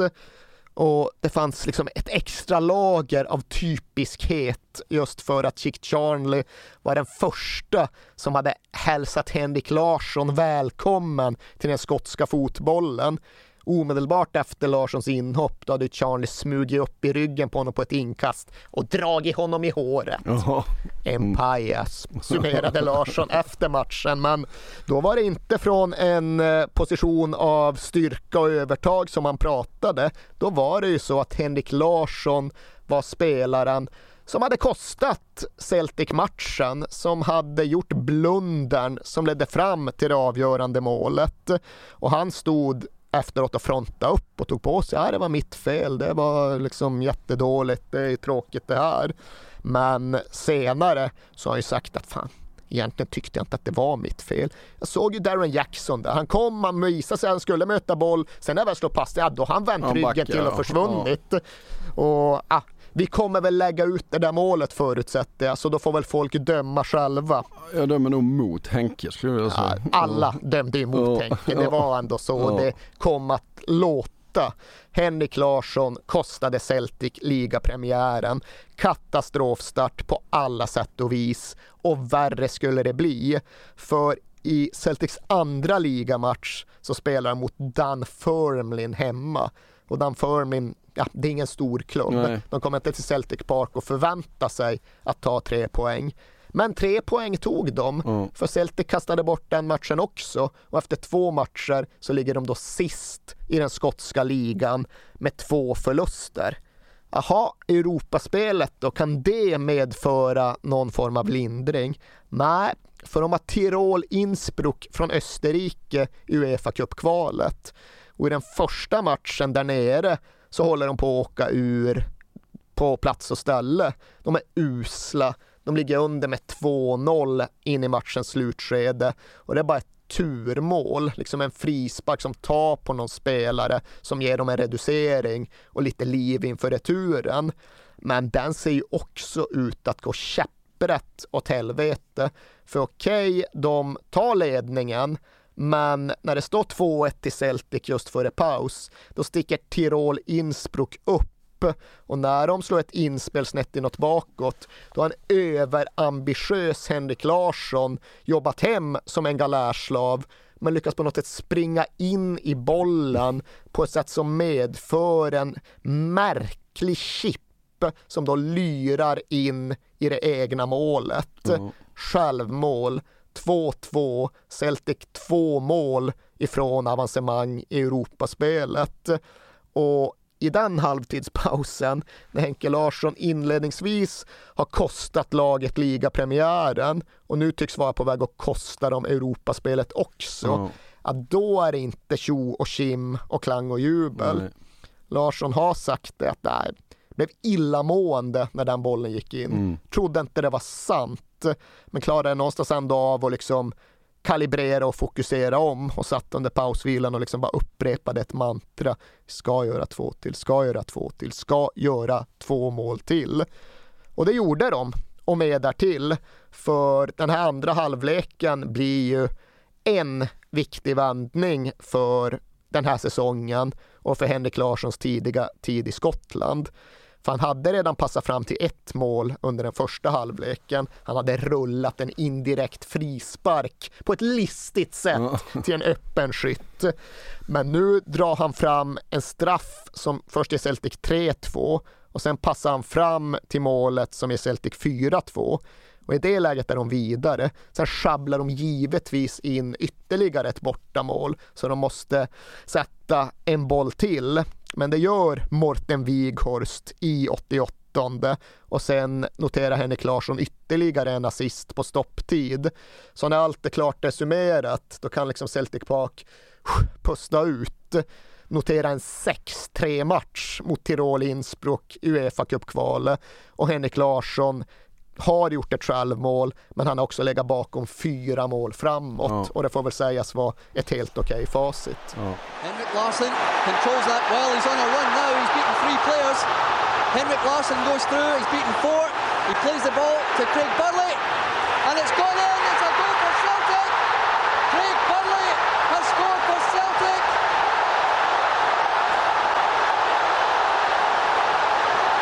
A fantastic run by Henrik Larsson, beating three players, holding off another two. He slid it to Burley.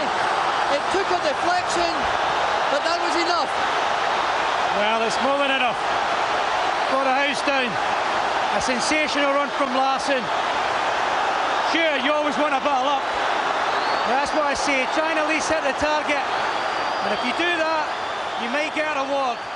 Ska vi gå in på Darren Jackson och hans märkliga skada då? Ja, jag tror inte skada riktigt är rätt Nej. ord, men vi tar det här eftersom att det säger också någonting om hur knöligt allt ändå skulle komma att bli för Celtic den här säsongen.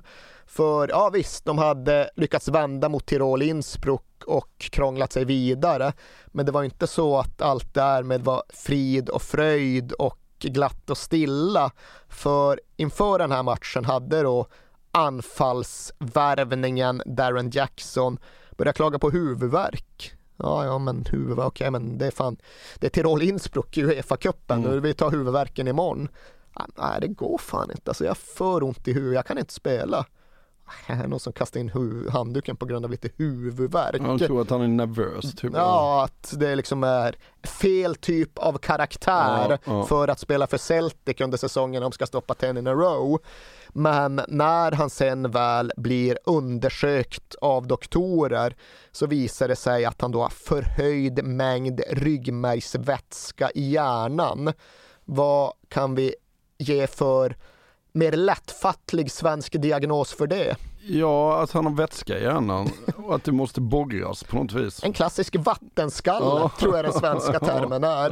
Ja. Eh, och det låter ju liksom mer som något eh, lite tragikomiskt men det är ju allvarligt på riktigt. Alltså det är när det är problem runt hjärnan så är det inte kul. Nej. Och det var ju så Darren Jackson också uppfattade situationen. Han trodde till att börja med att hans liv stod på spel och därefter så uppfattade han det som att han aldrig skulle spela någon fotboll igen. För det var en doktor som påstås ha sagt det åt honom. Men sen gjorde han den där operationen. Ja, det borrades väl för att lätta på trycket. Ja. Jag vet inte fan, här ska jag inte fördjupa mig. Men efter den operationen ska han ändå ha fått klartecken av en annan doktor. Ja, men nu har vi gjort det. Liksom, det gick bra. Du kommer kunna återvända till ditt gamla liv och till din fotboll. Och Jock Brown ska ha varit med och ställt liksom kontrollfrågan till doktorn. Ja, men, ifall det var din son det handlade om, skulle du verkligen låta honom spela fotboll igen?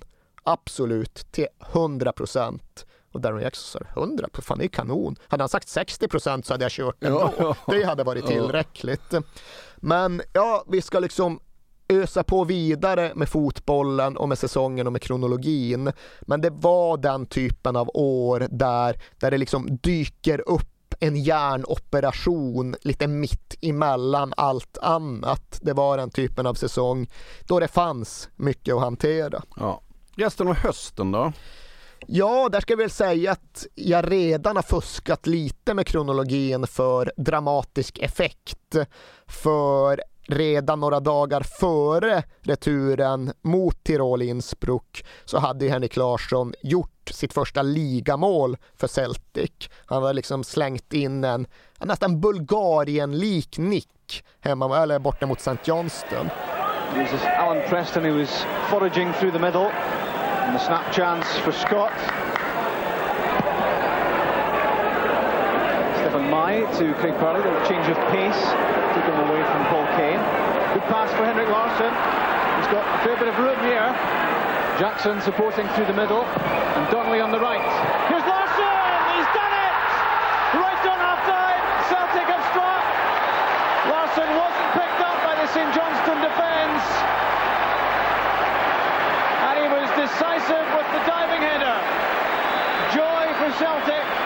Och redan före det så hade han faktiskt gjort sitt allra första mål i den skotska ligacupen mot Berwick Rangers.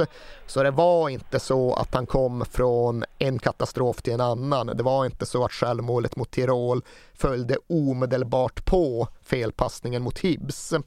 Men det var absolut så att vändningen mot Tirol ändå visade vägen och satte kursen både för Henrik Larsson och för hela laget.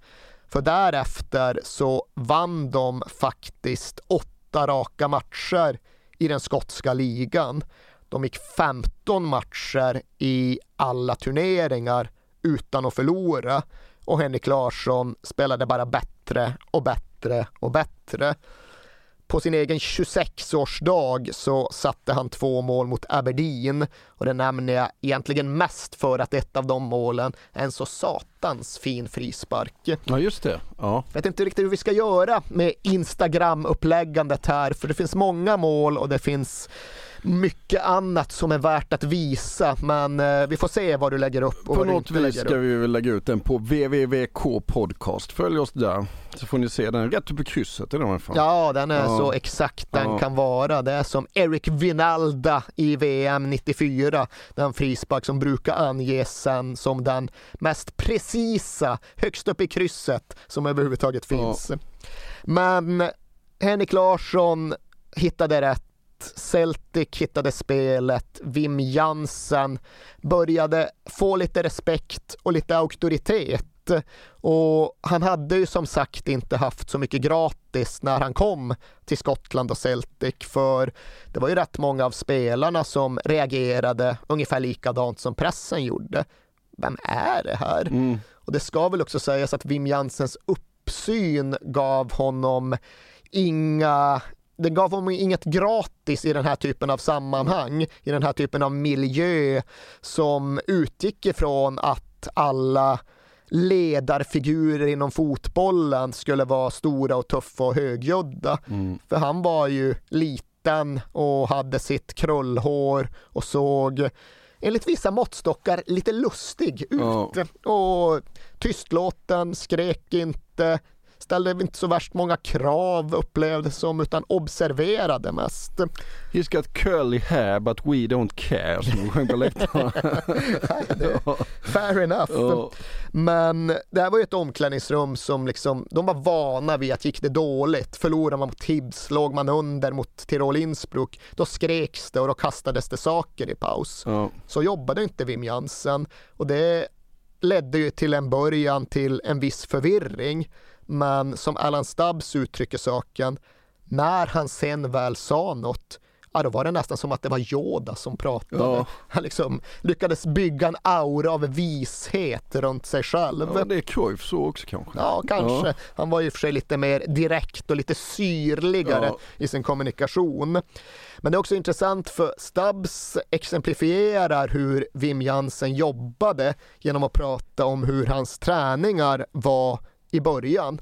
Han bara, fan, här kommer den här killen som inte visste någonting om och som inte hade den där auran av traditionell karisma.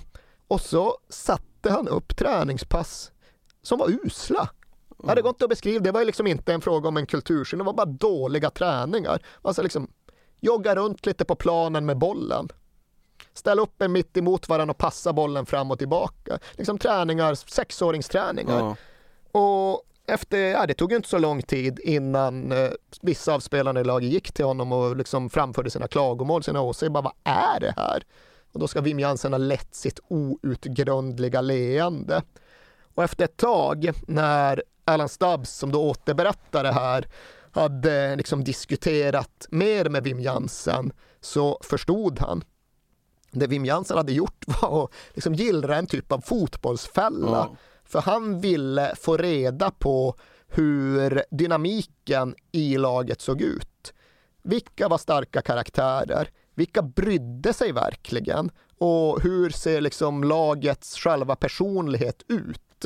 Det ansåg Wim Jansen sig kunna få reda på genom att eh, sätta upp avsiktligt dåliga träningspass för att se vilka som reagerade på vilket sätt. Ja. Vilka var bara nöjda och kände fan det här var ju skolning, det här var ju skönt. Kan vi bara åka hem och så var vi klara. Och vilka gick till honom med vilken typ av kritik? Vilka skrek, vilka var konstruktiva, vilka verkade bry sig för sin egen skull, vilka verkade bry sig för lagets bästa. Ja, ledarfigurerna liksom. Ja, och oortodoxt, absolut, men värt att notera. Ja, så det rullade på.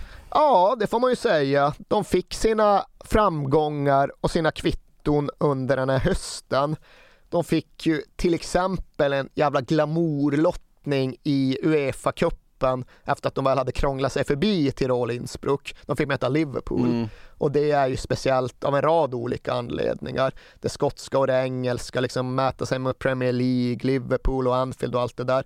Men sen finns det än idag också väldigt täta band mellan de klubbarna. Vi pratade ju i Liverpool-avsnittet om hur det var till Skottland och till Celtic som Liverpool åkte för att spela när de först skulle återhämta sig efter Hillsborough, när de skulle samla pengar efter Hillsborough. Mm.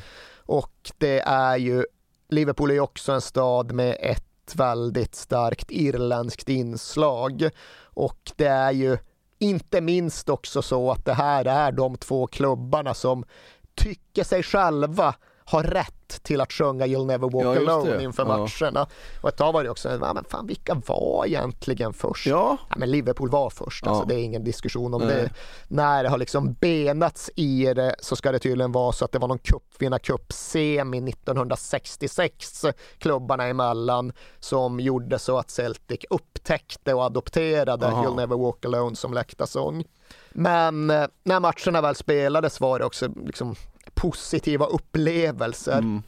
Jävla stämning, jävla You'll never walk alone-sång och bra fotboll som spelades. På Celtic Park där första matchen spelades så tog Liverpool ledningen eftersom att en 17-årig Michael Owen bara susade igenom och la dit bollen. Och fy fan, fan vad Michael Owen var bra som Ja, det var han. 17-18-åring. Ja. Det kan inte betonas nog att han var VM 98. Ja, ostoppbar i stort sett. Men sen vände Celtic på det. De bara forcerade fram en, sig själva till en 2-1 ledning. Och Jackie McNamara slog upp någon boll i krysset och sådär. Innan Steve McManaman kvitterar på stopptid med ett mål som du på ett eller annat sätt måste lägga ut. För det hävdar ju många Celtic-anhängare än idag. It's the best goal ever scored by an opponent at Celtic Park. Jag skulle vilja säga det sämsta försvarsspelet jag har sett på... Ja. Ja, det är också, de har en lite överdriven fixering vid det här med att transportera boll över Ja. långa sträckor i Ja. Storbritannien. När de springer från egen planhalva hela vägen fram till ett avslut så anses det alltid sensationellt. ja men det är ju ingen som går på honom ju. Han gör, han gör det bra, det kan vi ändå enas Ja. om. Men, men nej, det kanske inte är the best goal ever scored by an Nej. opponent at Celtic Park. Men det är ett jävla mål och det ger i förlängningen Liverpool avancemanget. För de får med sig 2-2 och sen en 0-0 på Anfield i en tät tight, dramatisk Mm. match. De har bra chanser, Ja, ja. Celtic. Celtic är väl så bra som. Liverpool över två matcher. Och det innebär ju att eh, självförtroendet växer på den gröna sidan av staden samtidigt som självförtroendet sjunker och problemen blir mer uppenbara på den andra sidan av stan.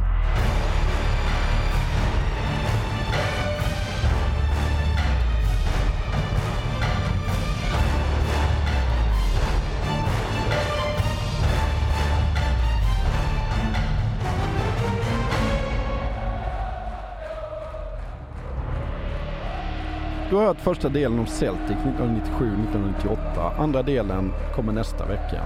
Fortsätt mejla oss på kingsatperfectdaymedia.se och följ oss hemskt gärna på VVK podcast.